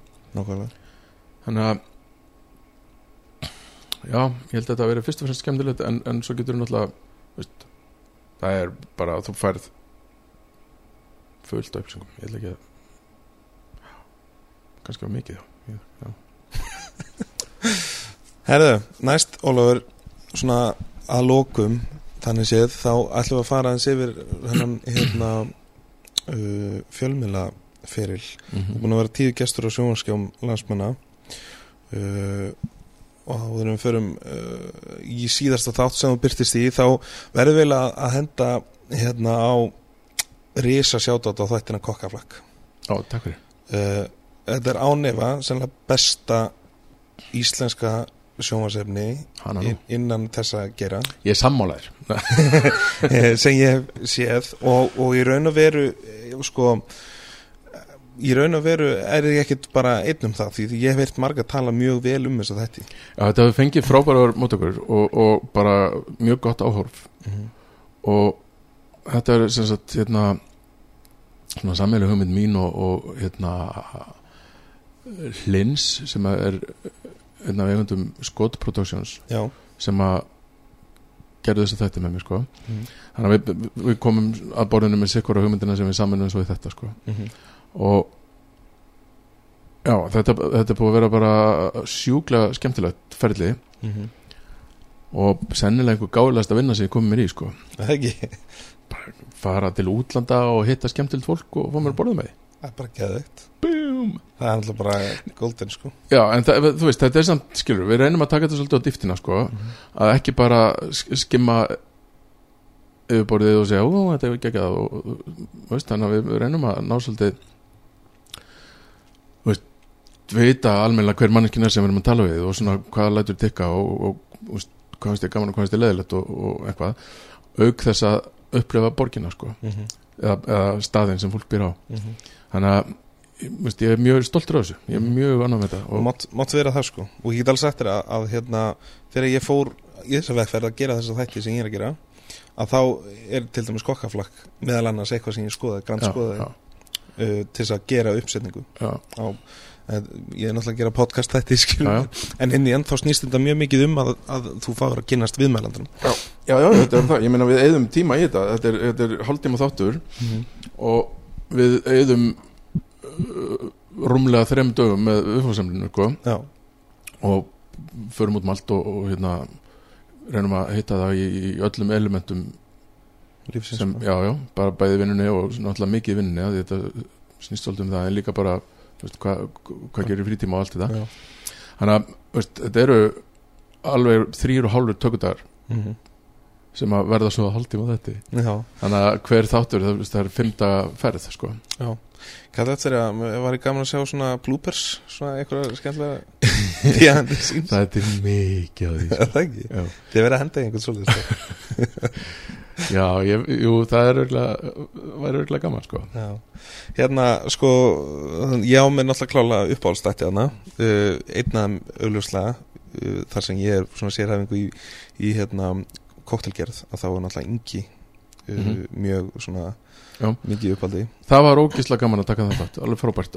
Og hann var líka fyrsta skipti sem var ekki hérna, beinlinis matris, hann er reynda matrismöður en, en Mhm. sko það sem við tókum veist, við vorum svolítið hrættið við þetta því að hann talar ekki góð íslensku. Já, og hann er svona þetta var, vorum dálítið lengi að spáði sko hvort þetta væri gáðilegt ekki. Mm og hérna svo ákvað bara að láta vaða vegna þess að hann er að gera svo ógeðslega spennandi hluti að núti sko. Mm -hmm. Þannig að þetta var bæði fannst mér Chicago algjörlega stórkosla frábaborg Mhm. og líka bara að komast þarna inn í innsta ring á The Avery og, og The Office þarna niðri í kjallarnu hjá honum Já, var alveg fyrir bransa fólk svolítið merkilegt sko. Mjög. Og sjá bara sett upp þarna á þessu. Þetta er ótrúlegt hvernig þau setja upp kottelkjösluna á The Avery. Þetta er Þetta er bara metnaður á öðru sko, leveli já Það var okkur gaman, en það var dálítið erfitt að fara í að skjóta pítsu einslægið eftir ég var búin að smakka 14 kotla. Þá gat ég ekki sagt nafnið á pítsustanum. Það fóru ansi marga tökur í það sko. Já, en kom ekki út sko já Þetta var geggjað þáttur og, og ég hérna ætlaði svona að sjá uh, líka hérna á Happy Hour því að ég fekk uh, heiðurinn af því að, að taka upp þátt með, með hérna með enga, með Inga. Já, já, já hann kom hérna og var hérna á apotekinu ekkert fyrir. og maður nýtti það svolítið og það nefndi ég mitt uh, kokkaflakk uh, fyrir þá sem hafa ekki séð þannig þátt þá bara og aðra þætti uh, kíkja á þetta, bara check it. Hann er bæði á hérna, sjónvarpi Simons og í Æslandir veilunum Já uh, Hvað myndur segja að hafi verið svona steiktast í staðurinn sem þú fórst Þannig, uh, á hvað leiti? Ja, bara svona aðeins öðruvísi bara svona frábröðið að- svona það sem er mest frábröðið þinni svona menningu sem að þú hefur að venjast. Hvernig var til dæmis eins og hann uh, Axel. hérna, Axel? Sko það var ógislega gaman. Það var, mér fannst hérna, við fórum bæði til Dubai og, og hérna uh, Kuwait. Já. Og svona eftir á þá fannst mér Kuwait miklu skemmtilega staður mm. af því að þar er allt eitthvað svo raunverulegt sko. Meðan að Dubai er svolítið eins og leikmynd já Er raun bara Las Vegas svolítið eða ekki? svolítið, jú en við fórum, við reyndar að því að við vorum svolítið búin að skrifa handriti áður en fórum þangað að- fórum ekki mikið út fyrir Dubai fína fólksins sko Mm -hmm. Samt aðeins og fórum svo þangað bara að skjóta hérna bíról og eitthvað svona en um leiðum að kemur út fyrir leikmyndina þá er allt í hennu komið raunverulegt líffólks og ég saknaði svolítið að við hefum ekki gert það Mm. þannig að mér fannst Kuwait skemmtilegri heldur en Dubai Mm -hmm. það var enda svo var hérna promói sett hann upp að hérna Ólafur edru í þrjá daga svo þá sé hvað Það er erfiðast í kokkaflag Já, já. bara, já, ok, þessi tíma. En þetta selur samt. Já, já, og ég fatt að það alveg sko. Þetta er mjög fyndið. Og það var alveg fyndið. En mér fannst sko skemmtilegasti staðurinn sem við fórum á í serju 2 var hérna vietnarski staðurinn sem við fórum á Chicago. Já, það var hann það sem gast tekið með allt. Bring Your Own Booze Já, og við pöntuðum bókstallega allt á matselnum og veist, svo endaði þetta á síðasta þetta var hérna loka tökudagurinn þannig að við enduðum í rappartí þarna á þessum stað sko. Já, pöntuðum alla matselin og tókum með okkur allt vínheimsins og þetta var alveg ógeðslega gaman. Og f- sko sturlað matur þannig að bara allir sem er í Chicago farið beint á tank noodle sko. Ok. Alveg raglegt, þetta var geðveitt sko. Kekja og það var, veist einhvern veginn mér finnst þetta eftirminnilegasti staðurinn sko. Já Svo hérna verð ég að koma hérna inn á að því ég á nú uh, svona smá Noregur á pínu staði hérta mér Oslo, það kom þér svolítið óvart. Það kom mér mjög óvart. Mm. ég, hérna bara það breytti sínminni á Oslo. Ég reyndar, ég var að hanga með einhverjum svona kokkahipsturum sko. Já, þannig að það var svolítið annar heimur heldur um að kannski sér sem túristi þarna sko. Já, en já, það kom mjög óvart það kom mér kannski ekki óvart metnaðurinn í, í matagerðin þarna og, og vingerinu og, og þú veist, maður veit það alveg. Mhm. en bara hvað gæti verið mikið stuð og stemming sko? Já, maður er alltaf einhvern veginn norsar leðileg en svo verður bara skil leðileg sko. Já. En hérna, myndur þú segja að sena það væri uh, svona uh, mjög það sem ég sá að henni er senan í, í Oslo frábær. Mm. og sennilega er senan í bara matar og bransa senan í Nóri frábær. Ég meina Trondheim kom með hvað, tvær, þrjár mislinstjórnir Já, já, já. Og stafangin og stafangar og, og, og fullt í Oslo og eitthvað. Þannig að það er veist, mikil metnaður í bransanum þarna sko. Áðurum við slöfum uh, þessum lið er serið þrjú eða? e, Já, það er ekki samt alveg frágengið en það er mikill áhugi frá öllum. Þannig að við erum búin að læna upp í viðmælundum og, og svona skrifa hluta þessu. Já, en það er ekki, þú veist, það er ekki tímapært að segja til það en vonandi, já. Vona það. Herðu, að nýjasta þættinum. Þetta er nú kannski element sem að þú hefur ekki verið uh, sérstaklega þekktu fyrir. Nei, Sko hvernig, byrjum á bara byrjunni, hvernig í, ósköpunum var aðbrændið þessu? hann var ekkert langur sko. Nei. það var bara hringt í mig. Já.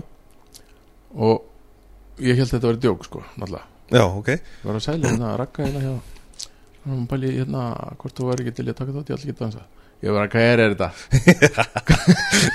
Þú helst actually að þetta væri djók bara. já, já, bara þú veist fór að skoða númerið og hvað þú veist, er þetta eitthvað er rekkur, þetta er eitthvað útarpinu þetta er eitthvað, er að. Já, Nei og svo var þetta bara raunverulegt og ég fór að hitti hérna framlegendu þáttana já, fór að fund og bara já og svo bara hugsa ég fuck it, gerði þetta bara. Já. og gerði þetta bara. Og ég á sennilega aldrei eftir að, eftir að finna þægjandara mann sko, hann er bara farinn. Já. Veist, bara, þetta er í alvörinni það erfiðasta sem ég nokkuð tíma í lífi minni gert, ég hef aldrei verið jafn stressaður eins og ég þurfti að fara að dansa rúmbu Já. nýkomin úr fótbroti fyrir framann þú veist, 15-20 kamerur já, í beinum þykku það er bara, ég titrað skalf sko. Já. En ég held að þetta sé svo holdt sko. Algjörlega. Ég held nefnilega sko, ég, ég hef sagt þetta áður einhvers staðar, að eftir, bara, maður velur sér að gera einhver sem er góður í. Mm. og eftir því sem að maður er vanar því að gera einhver sem er góður í þá verður maður betri í því. Mm. og þá þorir maður ekki að gera einhver nýtt sko. Mm. svo er ánið 50 ára og það er bara svo holdt að læra einhver nýtt og gera einhver sem maður kann ekki Alveg saman á og þetta, ég held að þó, ég hafi tapað þessari kefni bara með glæsbra þá, þá býja að þessu sko. Og ekki, ekki dansinn, það skiptir kannski minnstu máli þannig, en bara þessi lífsvænsla að gera bara eitthvað grilla Þannig að segurinn þinn er í raun og veru að hafa stíðið út, af, út frá já, já, bara gera eitthvað sem ég kann ekki. Mm -hmm. kannski þarf maður ekkert endilega að gera það sem maður kann ekki í beinni útsendingu fyrir alþjóð sko. Það er, þú veist daldi mikið latíkisíki fólkinu því sko. En hérna, sko, dansfélagin uh, Marta Carrasco, var hún jafn krefendi við þig eins og þú varst við mig og Dill á sín tíma? Marta er náttúrulega indislega, já hún var það hún var frábær kennari sko. Já, og ég sagði nú reyndar sagði nú reyndar við, hann á Jón Veðar að það væri mér að þakka að þau hafa náðu í úslið þáttin sko. Alltaf briljant move að fá því í þannig af því sko hún lendi náttúrulega í bröttustu brekkunni í upphæði Já, nei, hún er náttúrulega bara eitthvað mest endi og ég bara býja því að eiga núna nýja tvítuða vinkonum, ég veist það frábært sko. Já, já. Við finnum saman í vikingaþrek og svona. Já, það, Mm. þú ert búin að tanga þér svolítið á og þú ert fann að hlaupa segiru og ég hefði svona. aldrei þórað að fara í vikingaþrek ef ég hefði ekki farið allir að dansa. Nei, ég er bara ekki þóraði, nei. Nú er bara búin ég er útskriður og grunnáskið Já, geðu veikt Til ég ánægð með þig. En hérna, sko um úslitin, þú sátt um úslitin já, bara vala er indislega, ég hefði náttúrulega vilja hérna, Marta mín inni sko. Já. En bara, já, En talandu um framfyrir, ég meina Jónbiðar Þú já veist, Jón Veðar náttúrulega Hann- er bardaga maður, sko. Já, já, þannig að það, hann er kann að reyfa sig sko. Já, og svona vanur að leggja metnað í, í spátið bara frábært, það var ógislega gána að fylgjast með þessu. Svo fór ég að gera eitthvað grín með þeim. Já Var það, var einhvers hverjum datt það í hug? Var það bara ég, lítið- þeim sko, Já. Þetta var briljant, þetta var ógslag gaman. Já, þetta var alveg fyndið sko. Þetta var mjög svona skemmtilegt í raun og veru að, að hérna Þú veist, þetta er svona þáttur, þetta var svona allt tilumnin, stelpunda mín og náttúrulega báður í dansi, sko. Já, og, já, það, ég samkvæmstu þessum já. Já, sko, eldri, hún hefur ekki þól með það, hún er í svona strítjas, en Já. yngri er í, hérna, er í samkvæmstansi já, og var einmitt að finna sér dansera í næs og hérna uh, sem kemur þessu máli ekkert endla við en, en að, hérna, þetta er svona búin að vera svona sameldin fjölskyldstund sem við hittust alltaf bara heima Já. hjá mömmu og, og horfum á þetta og, og, og, þær hafa mikla skoðunar á því hver Já. var, var áfram þetta er, veist, þetta er bara, þetta er ógislega skemmtileg þáttur. Mhm. bara frábær. Og þess vegna ákvæði líka að taka þátt í þessu. Já, og líka ákvæði fyrir, það eru bara það eru sjö ár síðan að vera masterchef. Já, og þá ákvæði bara, ég, bara ef það kemur eitthvað áhugavert þá bara segi ég já. Já. og þetta var áhugavert. Mm og annars lendur maður ekki í neinum æventýrum en maður, hérna, Al algjörlega. Veist hvað segir þú um að, já, flott. En hérna, erum við að tala um það að þú og frúin er að taka dans núna? Nei, hún kann ekki að dansa. Nei, þú En hvernig, hérna, hvernig tr- tóku strákarnir í að sjá pappa sinn þeim fannst ég asnalög sko. Það þeim, þeim fannst ég, þeir skömmast sín smá sko. En ég held að, eh, jú, jú, þeir voru ánægð með þetta sko. Já. þeir eru upp í staði ég held að vera fegnir að ég datt út fyrstu Ég er bara ógeðslega ánægður að hafa ég gert þetta. Ég, ég var líka bara, það var í raun pínu ástæða til þess að horfa á þetta líka sko, Já. in the- in the já, þetta er samt, eh, veist, ég, þetta færur ógeðslega gott áhóru sko. Og mjög, mjög gaman Mjög að þessu. Herðu, uh, þetta fyrir nú svona að síða, síða að uh, lokin hjá okkur uh, svona ádöfinni, nefndum vinskólan. Mhm, uh, mögulega síðan þrjú að kokaflakki. Mhm. uh, eitthvað svona annað sem að sem þetta eftir í hug sem að er að, er að gerast? Já, það er alltaf eitthvað að gerast. Það er alltaf að gerast. Sumt er ekki tímabært til þess að ræða og svona, en það er alltaf er alltaf það er alltaf eitthvað í gangi það er alltaf Andri. að gangi það er, maður róast ekkert sko nei, nei.